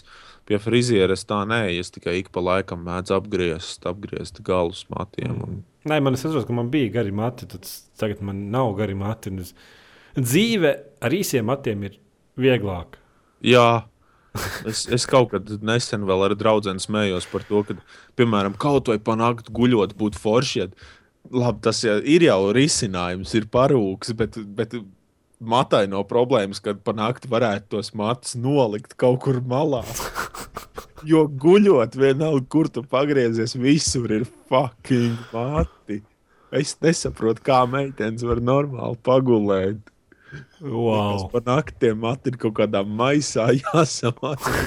Tur jāliek. Tu vari, es redzēju, tā kā, nu, tās filmas rāda, ka tu ruļus satini, uzliek visu tādu cepurīti, un tad iet gulēt. Tu arī tā varētu darīt. Lokainas matus. Oh. Jā, Rob- tā mēs atkal runājam par Jā. gamingu. Robnik, lūk, vai komentēsiet tiešraidē, kādu spēli izdevēja E3 šogad? Man liekas, mēs pagājušajā gadā forši bija pasākums, ka mēs kaut kādā Steam, Steam grupā vienkārši salīdām visu un kopā skatījāmies. Bet, nu, tā vismaz bija. Nu, savā starpā varēja parunāt, tad, kad mm, kaut kāds ko huņu runāja. bet Tur arī bija šī ierēkļa. Tā kā varētu arī tāpat kaut kā tam līdzīgi darīt. Bet, nu. E3 jau problēma ir tāda, ka viņi ir citā valstī, un tad pēkšņi tas E3 notiek vienos pa nakti. Jā. Un tāpēc tad man sanāk vairāk parasti kaut ko no rīta noskatīties, vai kaut kad vēlākos vakaros. Tādos, nu. Un tāda jau ir par vēlu, un ko tad tu teici? Jā. Atļāvies komentēt, tur nezinu, astoņas stundas pēc tam, kad viss jau ir beidzies. Šādā Tur jau veidā tā tas problēma nu, Tieši tajā tiešraidē, kad, kad tās laika zona atšķirības, kad, kam on te tev, lai tu varētu normāli komentēt, tad tev ir pa dienu jāguļ un pa nakti jākomentē. Un kurš tev trijos naktī skatīsies, ko tu komentē tiešraidē? Tieši tā. Šādā 118. Par to mazu gadgetu. Ja daudz spēlē braukšanas spēles, tad stūra ar force feedbacku ir tā kā labāks gadgets. Bet, uh, Baigi vietu aizņem. Nu, jā, man tas nopirka. Tagad stāvus viņa vairs nelietoja. Divas dienas papriecājos. Plus vēl tas, ka uh, stūrīt ir. Tas ir, kā viņš teica, ja daudz spēlē braukšanas spēles, tas stūri ir ļoti specifisks. Un arī, piemēram, kaut kādām arkādēm, nu, stūri, nu, nafig tev viņu vajag. Es spēlēju Need for Speed Runner stūri. Reāli grūtāk un reāli bezjēdzīgi. Bet nu, bija jā. jautri. Bet es to nedarīju. Es tagad gaidu, kad man ir stūri, es tagad gaidu, kad iznāks kaut kāda pirmā, jebkāda spēle uz PC, braukšanas spēle, kaut kādām, kurai vajadzētu stūri. Es tikko dabūju, man ir Steamā Victory The Age of Racing. Kas To es, to es nedaudz paspēlēju. Nu, tāda mini-spēlīte, tur online cilvēki nav un tā, bet liekas, smuka spēlīt tādu bišķīt. Ja man stūri būtu, es ļoti priecātos par to, ka man tā spēle ir, bet ar klaviatūru viņu spēlēt ir vienkārši izlauzt sev pirksts un ej pakaries laternā.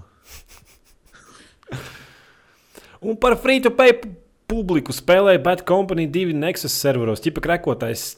Krekotais nenozīmē free-to-play. Par ko tā. vispār iet runa? Un, un kā var būt krekot spēle free-to-play? Tas ir pār cits modelis. Tas ir pirātisma modelis. Jā. Tas ir, tā, tas ir tāpat kā Counter-Strike non-Steam. Jā. Nekā, nav tas nav nekāds free-to-play.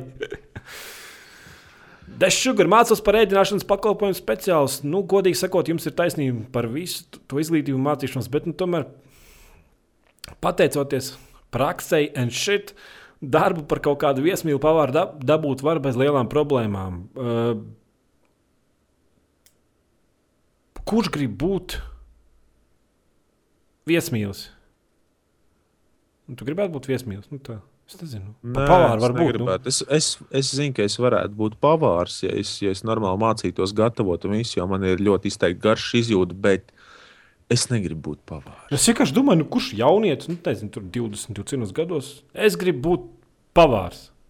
Plus vēl pavārs ir tas, ka gatavot jau ikdienā, jau tev to vajag darīt. Nu, ok, protams, ir jau tie klasiskie modeļi, kad vīrietis tur nezinu, strādā un sieva tik taisa gatavot, bet man ir tā, ka es arī pats taisu ēst. Un, Kam on, tu visu dienu, astoņas stundas dienā taisi gatavot, un tad tu aizies mājās. Un, Viņš negribēs vairs taisīt, ēst. Zaudēs visādu prieku, visu prieku zaudēs no, no, no pavisam vienkāršas pamatvajadzības. Un... Ai, Ā, un tas pats par viesmīlu. Nu, man liekas, lielākoties viesmīļi ir studenti, kuri vienkārši piepelnās. tieši tā. Un Es tas- domāju, ka viesmīlim nekādu baigo speciālo izglītību nevajag. Nu, Tas ēdināšanas pakalpojums speciālists izklausās pēc klasisks arodenes. Nu, jā, to, ko tu paņem tā, nu, lai mamma liek mierā. Jā, apmēram tā. Nu, ķipa, ot, es mācos lietas, man mierā iedomā naudu. Nu, tā ir tāda lieta arī. Ok, ja tu esi, ja tev tā ēst gatavošana vai kas ļoti padodas, ja tu tiešām esi superīgs speciālists, jā, forši, bet savādāk tas ir.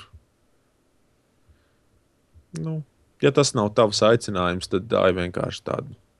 Laiku nospiest, izdeldēt, un lai mamma liek mierā. Vu, vai kāds admins man nevar nomainīt niku jebkurš var iet, man liekas, formā un uzlikt sev kādu niku viņš grib. Man liekas, ka nevar. Man liekas, ka tur display name var nomainīt. Nu, tu nevari okay. nomainīt to loginu. loginu ar nu, loginu nevar. Es, zinu, es pats kaut veidā. Bet display name man liekas, diviem. Jā. Vai cik es prasīju inoxorable. Mm -hmm. Es viņam, man liekas, sūtīju, jeb, jeb tev personāla message. Nu, karoči, ja tu nevari atrast būtībā pats to iespēju, var jau palūgt pieklājīgi Jā, jā man jau nav grūti. No galvenajiem, lai nomaina. Vienkārši atsūti mēsīšu, kādu tu gribi. Es tev atsūtīšu pretīm kontu. Mēs varam kaut ko sarunāt. Piečuks par katru nika burtu. Jā. Nē, nē, man jau ir prasījuši visu kaut ko. Tur man nav problēmas. Mēs neesam nekādi šitie te. Nezinu, kaut kādi iedomīgie, ja kādam kaut ko vajag. Galvenais uzrakstīt īsi, konkrēti, ko tieši bez gramatiskām kļūdām, tā lai man izlasu, skaidri zinu, kas man jāizdara. Ir.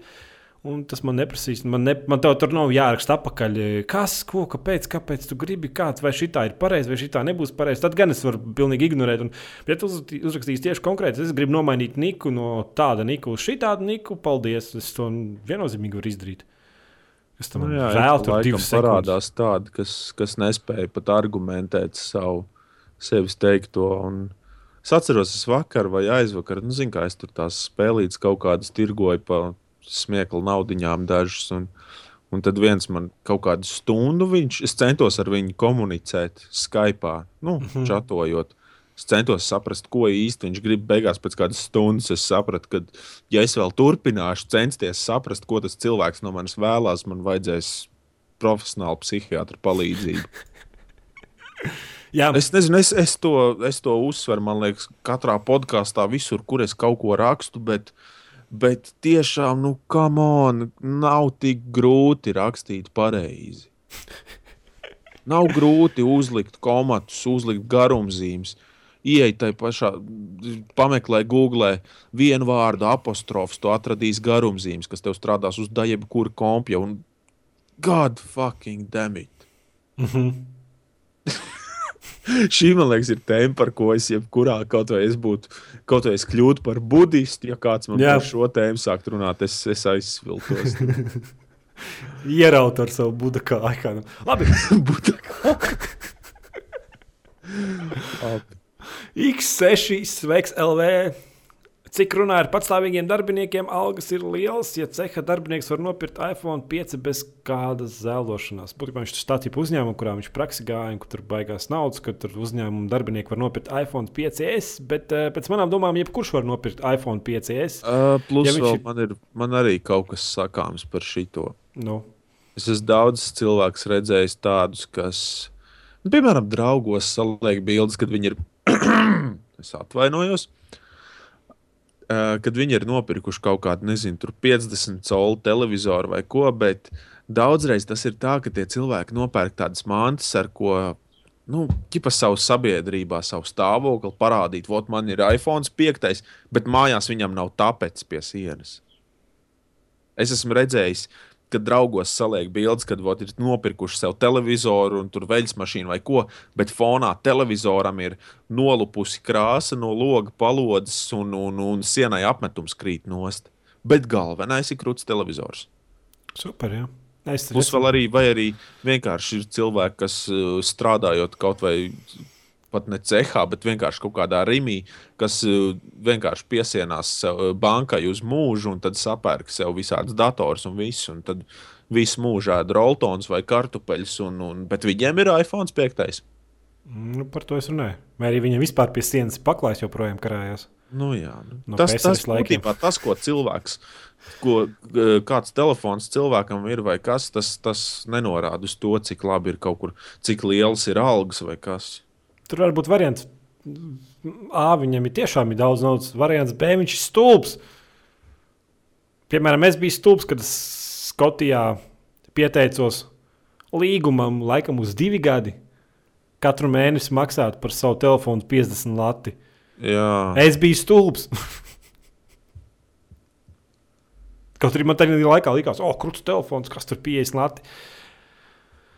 Pēc trīs mēnešiem sapratu, ka es biju stulbs. Man bija uh, Nokijas telefons. Es biju paņēmis, nu, kā man zelta zivtiņa visu laiku bija. Tagad es esmu pārgājis pie LMT, bet man bija zelta zivs. Un, un viņiem bija tas arī piedāvājums tur uz diviem gadiem. Arī, es paņēmu kaut kādu Nokijas telefonu, kas sanāca viņu uzreiz nopirkt veikalā. Bija kaut kāda 120 lati tajā brīdī vai 130. Un man uz to nomaksas sanāca nu, 4,95 mēnesī. Tur kopā apaļ 120 lati pa tiem diviem gadiem salacās. Es domāju, nu, nopirkt tagad, vai bet tagad man nav tādas naudas. Nu, ok, paņemšu, kas tur mēnesī fucking piečuku samaksāt. Un normāli, bet nu, tāda, ka tur paņem tiešām, ka tu tai, to divu gadu laikā tur pusi cenu vēl samaksā pa virsmu. Nu, nezinu. Labi. X sveiks, turpina rakstīt. Es zinu, ka es par savu arodu nestrādāšu. Super. Tas ir daudziem. Jā. Tā ir skumjā patiesība. Paldies, ka, pa- paldies, ka izmeti savus trīs gadus savas dzīves, kuras laikā tu varētu darīt kaut ko liederīgu. Jā. Piemēram, mācīties par ēdināšanas speciālistu. Vai arī apmetēji, iemetēji. Pa iemetēju tur īsti nevajag. Vai jebkurš normāls let- letiņš no 16, 15 gadiem, ja ne ātrāk, jau mākslinieks strādāt par iemetēju. Jā. Nu, es no personīgās pieredzes būtībā vispār varu teikt, ka pēc, pēc pamatskolas, nu, ja tu tiešām neesi simtprocentīgi pārliecināts par kaut ko, ko tu vēlēsies kļūt, tad labāk ir iet vienkārši vidusskolu. Nevis kaut kādu fucking tehnikumu, kur vidusskolas zināšanas būs ļoti minimālā līmenī, un plus vēl tā, tā specialitāte tev īsti neko nedos. Jā, vismaz īsti nepist tev prātu un varbūt izmācīties labāk labu vidusskolu ar labām atzīmēm, kurai perspektīvas kaut kur pēc tam tālāk tik nekā Nu, jā. neiemācīs ne to, ne to, un beigās vispār jā, tik arī, jā, arī tu esi iekūlies kaut kādā šajā tehnikumā, un ja tu viņu pabeidz un vēl nezini, kur iet tālāk, labāk kaut vai pastrādāt to gadu kaut kādā rim, rīmī vai nu, vienalga, kur. Vienkārši kaut kādā parastā darbā, nevis skriet tā, kā es aizgāju uz to universitāti, es iestājos tajos turistos, jo, jo man vienkārši negribējās palaist gadu nu, bez mācībām, nu vienkārši Mm -hmm. kaut kur strādājot un, un, un nemācoties. Un tā bija baigā kļūda. Tā, tās ir lietas, kas tiešām ir ilgi, un tur nezinu, tiešām mēnešiem ir jāpārdomā viss plus, mīnus. Un, jāiztēlojas sev, sev, sev nākošajā darbvietā, kur tu varētu ar to izglītību strādāt. Ir jāpēta informācija internetā un visur. Nu jā, nu tā ir pastrādāt tādā rīmī, un tu skaidri zini, kur tev tālāk jāmācās, lai, lai tev nebūtu turpmāk visu dzīvi jāstrādā rīmī. Mm, nu, tev kaut kāds mēģinājums sapratīsies, nu, atradīsies, tāpēc, ka tu negribēsi strādāt visu mūžu rīmī. Noteikti. Zobfejs. Tik ērti klausīties uz iPad, prieks un laime. Visi pa paklanamies Zobfejai. Viņš tik, tikko palielinājās, ka, viņai, ka viņam, viņai, viņam ir iPads. Mēs varam iet tālāk.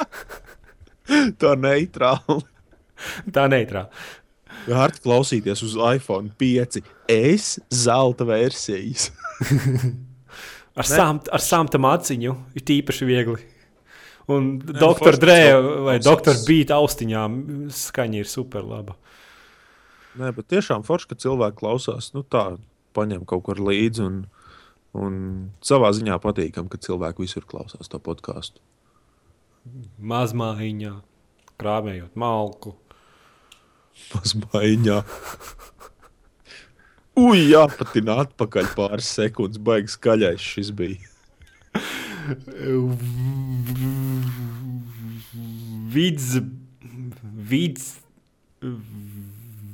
Vicds. Vidzs. Manuprāt, ļoti prātīgi būtu studēt kaut ko, kas padodas, kas padodas un uz ko tev ir ķēriens. Nevis samaitāt sev mīļu nodarbi. Viņš runāja par to, ka hobiju īsti nevajag strādāt. Nu, tev ir kaut kāds hobijs. Un, man liekas, viņš runā bet tas jau bieži vien ir. Ir viens un tas pats. Parasti jau hobija ir tās lietas, uz ko ir ķēriens. Nu jā, tāpēc es īsti nesapratu. Jo, jo ja tu tiešām labi tās lietas pārzini, tad man, eh, kad es mācījos tos pašus turistus, mums bija vienkārši superīgi ekonomikas skolotāji. Viņi varēja redzēt, ka viņi bija pilnīgs pierādījums tā, tiem gudrajiem vārdiem, ka, ja tu, ja, tu, iem- ja tu strādās kaut ko, kas tev tiešām patīk, tev nekad nevajadzēs strādāt. Un viņi tiešām varēja redzēt, ka viņai ekonomika patīk mācīt, un viņi uz, uz skolu mums mūs apmācīt nāk tiešām tā, kad vienkārši brīvdienās tur nezinu, pludmale aiziet vai, vai bārā patusēties. Jā, jā, man bijis tā, ka es uz darbu sēžu mājās un es gribu uz darbu iet, un es nevaru sagaidīt, kad man būs tas laiks, ka man jāiet uz darbu. Jo tu esi tik interesants, nu, ka tev tik, tas ļoti, tik ļoti interesē, tik ļoti tu gribētu tajā visā iedziļināties, ka tu, saki, tu vienkārši sēdi mājās un nevari sagaidīt, kad tev sāksies darbs. Jā, man tā ir bijis. sapņot, ko, ko tu darīsi darbā. Jā, jā, jā, un tā, ka nu, tu ar prieku, ka tur ierodies šeit ne pusstundu ātrāk un jau sāc tur kaut ko, jau sāc jau kaut ko darīties un ņemties. Nu, tas, tā, tā var būt. Un, Es iepriekšējā podkāstā teicu, ka 90% cilvēkiem tā nav, bet nu, tad 10% cilvēku procentiem tā ir, ka ar prieku aiziet uz darbu. Pundurs par grafiskiem izaicinājumiem ne tikai pareizi gaisma, bet joprojām līdz realistiskam ūdenim vēl jātiek. Ūdenim vēl joprojām nav šķidruma īpašības, bet cik zinu, viņš joprojām ir caur, caurstaigājams tekstūras blāķis. Ūdeni jau, man liekas, var uztaisīt nu, tā fiziski, bet problēma ir tāda paša, kas ir ar apgaismojumu, ka baigo jaudu vajag. Jā. Un tādas Tur ir ļoti nav. daudz, ļoti daudz, kas jārēķina reālajā laikā. Jā, un ūdens ir tik šķidrs, ka nu, tas gaisma, gaisma Ūdens ir tik šķidrs, ka viņš ir šķidrs. Nē, nu es domāju, tā nu, no programmētāja puses, nu, ka, tev, ka tu nevari aprēķināt kaut kādu tur kontūrus. Tev būtībā visu laiku jārēķina visa masa. kā. Tur ir jārēķina viss, kā, kā pilnīgi viss iedarbojās uz to ūdeni, kā ūdens iedarbojas uz visu. un Tas ir fucking grūti. Tur baigos resursus vajag, lai tā aprēķinātu. Būtībā. Nu, lai tā reāli ūdeni, tad tev būtu molekulu līmenī, man liekas, jāaiziet. Ne? Un jāprogrammē molekulu līmenī, un tad tas viss Nu, jāaprēķina. To pusi, jā, apmēram. Nu, jā. GGG! Nē, GG strīpiņa. Dotā pasaku tēlu, un Lolā tur tikai cilvēks skraida ar vātu. Nu, Lolā tā grafika ir, es nezinu, Lolā ir vecā versija, kur arī ir vecās kartes pastīties, kas izskatās tā kā Volda Vārkams, bet jaunā tā versija, viņi tomēr nedaudz piezemēsāk, tās krāsas nav tik spilgtas un viss tas nav izteikts, bet Dotā ir, nu, nu tiešām, nu tā, nu, kad, nu, attaisi bērnu pasaku grāmatu, un tur vienkārši viss spīd un laistās, un, nu, vismaz man tā likās. Nu, nezinu. Tev liekas vienāds? Es, es lolu neesmu iedziļinājies. Man dot liekas tāda, nu, tāda pat kā vecais Warcraft, tāda pat, jā, kā tu teici, tur World of Warcraft. Nu, nezinu. Baigie pasaka tēlu man tur neliekas. Standarta spēļu mošķīši visādi orki un, un, un zombiji. Nē, bet nu, tur nezinu. Es klausos podkāstā, podkāstu darbā uz tumbiņām. Un viņam nepatīk, kā mēs bļaujam. Um, pff, ko tavi kolēģi domā par tevi? Nedomā, ka ir kaut kas dīvains. Tiešām divas stundas klausās, kā divi gameri kaut ko pat Runā par, spēlēm par nerunā. darba industriju un apmācību. 80% podkāstu ir par kaut ko, kas nav īsti saistīts ar datorspēlēm. Tas tāpēc, ka nav jau par ko runāt. Nu, mēs varētu runāt par jaunajiem Batman attēliem, bet Mēs varētu atreferēt visu, ko, kas ir nedēļas laikā uzrakstīts. ja izgremot vienkārši tā paņemt. Bet, nu, labi, Tas nebija. bet tas nebija jautājums. Es nezinu, liekas, podkāstu stumbiņām baigi grūti klausīties. Mm. Man patīk podkāstu Saustiņām foršāk. Jā, stilīgāk. Tu esi tad tuvāk, tuvāk man sirdī. Jā. Mūsu balsis ir viņiem tuvāk. GG raksts, es nesaprotu, kas tur slikti reizes nedēļā. Par ko par Par podkāstu? seksu. Ah, Pff. nu, par mazu un tā. Gribās vairāk. Nu, tā, nezinu. Nē, nu, ja patīk ar roku, tad jau jā, bet Nē, nu, es nezinu, reizes nedēļā skumji, man liekas. jā. Varbūt, varbūt es vienkārši pārvērtēju savas spējas, varbūt citiem nav, nav tāda gribēšanās. Bet, nu. Nu, es, gribēju. es, negribu, es negribu podkāstā runāt par tādām tēmām. vienkārši. Tieši tā. Nu, es nezinu, es uzskatu, ka, ja, ja, ja reizē nedēļā liekas normāli, tad tur ir problēmas. Nu, jā, tāpēc, Sorry, bet nu, tā ir neslēpjot tā faktus. Es, es vienmēr gribu, man vienalga, kādu kur un kādu. Tā kā nezinu. paldies, Edgars. Es domāju, visi būs priecīgi to zināt. Bet, nu, tā, nu, runājot par to reizi nedēļā. Es varu darīt, kāds komentāros pieminēs tavus, Nu, bet, nu, kā, nu, normāls, aktivitāti. nu, normāls, es nezinu. Nu, nu, nu normāls vīrietis, tu, es nezinu. Nē, nu īstenībā jau jā, arī mēs te, ņemot vērā, ka regulāri sanāk tev kāds, kāds niknāks vārds pasparūk, un man nu, nav šis podkāsts arī 12 gadniekiem domāts, un man liekas, tādu mums arī daudz nav OC. Nu, cenšamies, jā. Un vispār jau mūsdienās, mūsdienās arī visi, visi bērni jau, jau zina visus slamvārdus, un tiešām citreiz tu ziemā, es man liekas, jau kaut kad tev stāstījis, nezinu, vai podkāstu laikā vai nē, bet nu, kaut kad ziemā redzēju vienā, uh, kaut kādu piecgadīgu bērnu, tur pieci, četri gadu vecs, tur slidinājās ar ragaviņām un pīkojās, un viss. Un viens bērns tur otram iemet ar sniegu pīku, un tad tas bērns tur Bļaigi, nahuj, un viss pārējos vārdus, kādus vien zinu. Un es, un es vienkārši ejot garām, nu, es eju tur pīpē vai ko, un man vienkārši man elpa aizraujos, au- aizraujās dzirdot to, kas nāk tam bērnam pa mutu ārā. Jā. Es bez mazliet tādus vārdus leģendās tik biju dzirdējis, bet viņi. Tā kā tas, ka, plus vēl tas, ka mēs te kaut ko parunājam arī par, par, par seksuālām lietām, un tā, nu, mūsdienās jau ir tas, tas kā bija tajā anekdotē, kad tēvs saka dēlam, ka dēls mums vajadzētu par, par seksu parunāt, un tā, un tad dēls prasa tēvam, jā, tēt, ko tu vēlēsies zināt. Mm -hmm. Mūsdienās jau ir tas laiks, man liekas, pienācis. Labi, panišķi jautā. Par darbu un izglītību. Ģipas studējuši inženieru, inženieru tehniskajā zinātnē, elektroniku. Darbu var tikai dabūt Uber gudrie, vai kam ir pazīšanās pats savs ādas izjūt šādus apstākļus. Tas ir visur.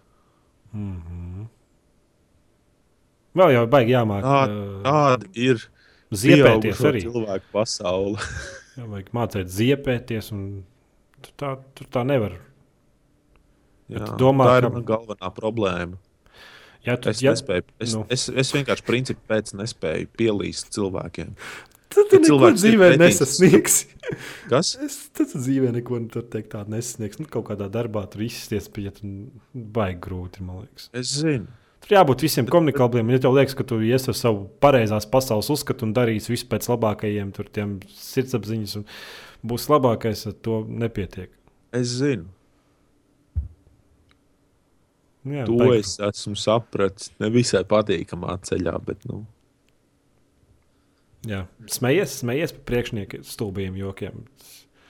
Tas pirmā pakāpe, kur var nokrist. Nu, tad jau jākrīt vēl zemāk un vēl zemāk. nu, neatceros, ka kāds no maniem, cik es esmu strādājis, kāds no priekšniekiem būtu aizrāvies ar jokošanu. Jā. Nē, nu, tas tāds, tas tāds pirmais princips. Es kaut kur lasīju par šo visu, nu, kā, kā tas viss darbojās. Es nezinu, kāpēc sen. Un tad bija Es- tie es- piemēri, es parasti vienkārši ieturu, ieturu tādu neitrālu pozīciju. Tie, kas, tie, kas grib ritīgi tā, nu, tiešām ieziepēties un ielīst tajā tumšajā vietā, nu, ok. Es vienkārši apzinos, ka es pats vienkārši to es nevaru. Tu neesi palaist to Nē, forši. Last famas. Mēģināju spēlēt Dotu, nepatika viena iemesla dēļ. Ja tevi nogalina, zaudē daļas naudas, vai tu tur zaudē naudu?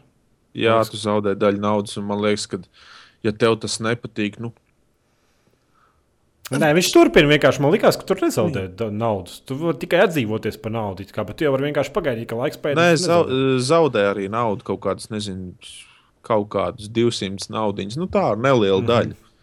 Spēles beigās vispār tas ir niecīgs daudzums, ko zaudē. Ja nemāki spēlēt Dota 2 un pretī ienāk čels ar saucamo smurfu akontu spēli, neizbaudīs un visas spēles garumā nopirks, nopirks neko. Vēl ļoti daudz spēlē krievtautības cilvēku, kas 90% no spēles bļauj pa mikrofonu. Vai tu nevari atslēgt? Var atslēgt. Man vakar bija tāda pati pieredze arī ar diviem neaudzinātiem krievu tautības jaunekļiem, kur pirmkārt nesaprata, ka visas pārējās astoņas spēles, nu, serverī esošie spēlētāji runā tikai angliski. Uh -huh. Un tad viņi čatā un visur. Plus vēl tad, kad uh, viņi vienkārši caur mikrofoniem, nu, spēles, spēles uh, balss čatā par kaut kādām, nu, ar spēles procesu nesaistītām lietām runājas. Un es viņiem pateicu, ka nu, būtu tikai pieklājīgi, ja viņi ieietu Skype vai kaut kur citur ārpus spēles savas personīgās lietas. Mm. Un tā viņi man teica, lai es viņus, nu, ķipā, uzlieku to mute iespēju, ka es viņus nedzirdu. Bet tas atkal ir tad, ja viņi, piemēram, kaut ko gribēs teikt man, nu, saistībā ar spēles taktiku, tad es atkal viņus nedzirdēšu. Un tāds viņiem, viņiem tā attieksme bez mazā vai nu klaus, klausies to sūdu, ko mēs runājam, vai vienkārši fuck off. Man Nu, liekas, tāda ir- tāda ir attieksme. tāda pati problēma ir. Nu, tas viss smurfu konti, kur ģipā, stipri spēlētāji uztaisīja jaunu kontu, tad ņūpas tur. Tas ir daudzos Un spēlēs. Būtībā League of Legends, es nezinu, kā Dotā, bet League of Legends bija tā, ka tu gadu spēlē ar visiem šiem nu, individiem. Un tad, tu, ja tu labi spēlē, tu jau izsities pie normāliem cilvēkiem. Nu, tā ka tu nu, sāk, ka tev tas līmenis spēlēšanas jau paliek tik labs, nu, ka matchmakingā tev saliek arī pret labiem spēlētājiem, kuri ilgadējā laikā ir spēlējuši, un kur jau vairs tādas muļķības nedara vienkārši. Brāl, man tas suns tracina vienkārši. Un īstenībā es nezinu, es Dotā neesmu nekad tā īsti saskāries ar tādu, kas būtu baigais pro. Un, nu, ok, tu vienu vai divas spēles ar tādu saskarsies, bet, bet man liekas, Dotā tas matchmaking ir tāds visai gudrs, ka viņi tur neskatās pēc baigta pēc līmeņiem un tā, bet viņi kaut kā skatās, ja tu. Ja tev, piemēram, pēdējās spēlēs baigi labi ir gājis, tad tev ieliek ar tādiem spēcīgākiem pretiniekiem. Kaut kā tā. Nu. Un plus vēl tas, ka nepatīk, ka dēļ tā, ka tev, ka tev nogalina, tad tu zau- zaudē daļu naudas. Nu, what the fuck? Tas, man liekas, ir ļoti labs veids, kā, kā, kā stimulēt cilvēkam censties nenomirt. Jo, ja tu nezaudēsi nekādu naudu, tad būs tāds, ah, nomiru, whatever, pagaidīšu tur pāris sekundes, atdzimšu un viss ok. Bet, ja tu zaudēsi naudu, tad ir tāds, ai, viņš man maciņu samazināja, un tu negribi mirt. Un, jā, reidžu. Nē, motivācija nav liela. Labi, es nezinu, mēs varētu beigt, pēc tam, kad suns nenomierinās. Tā skatos, man jāiet viņa salamāt. Ew, kā tu tā vari? Ja? Sakiet tā. Atā! Atā!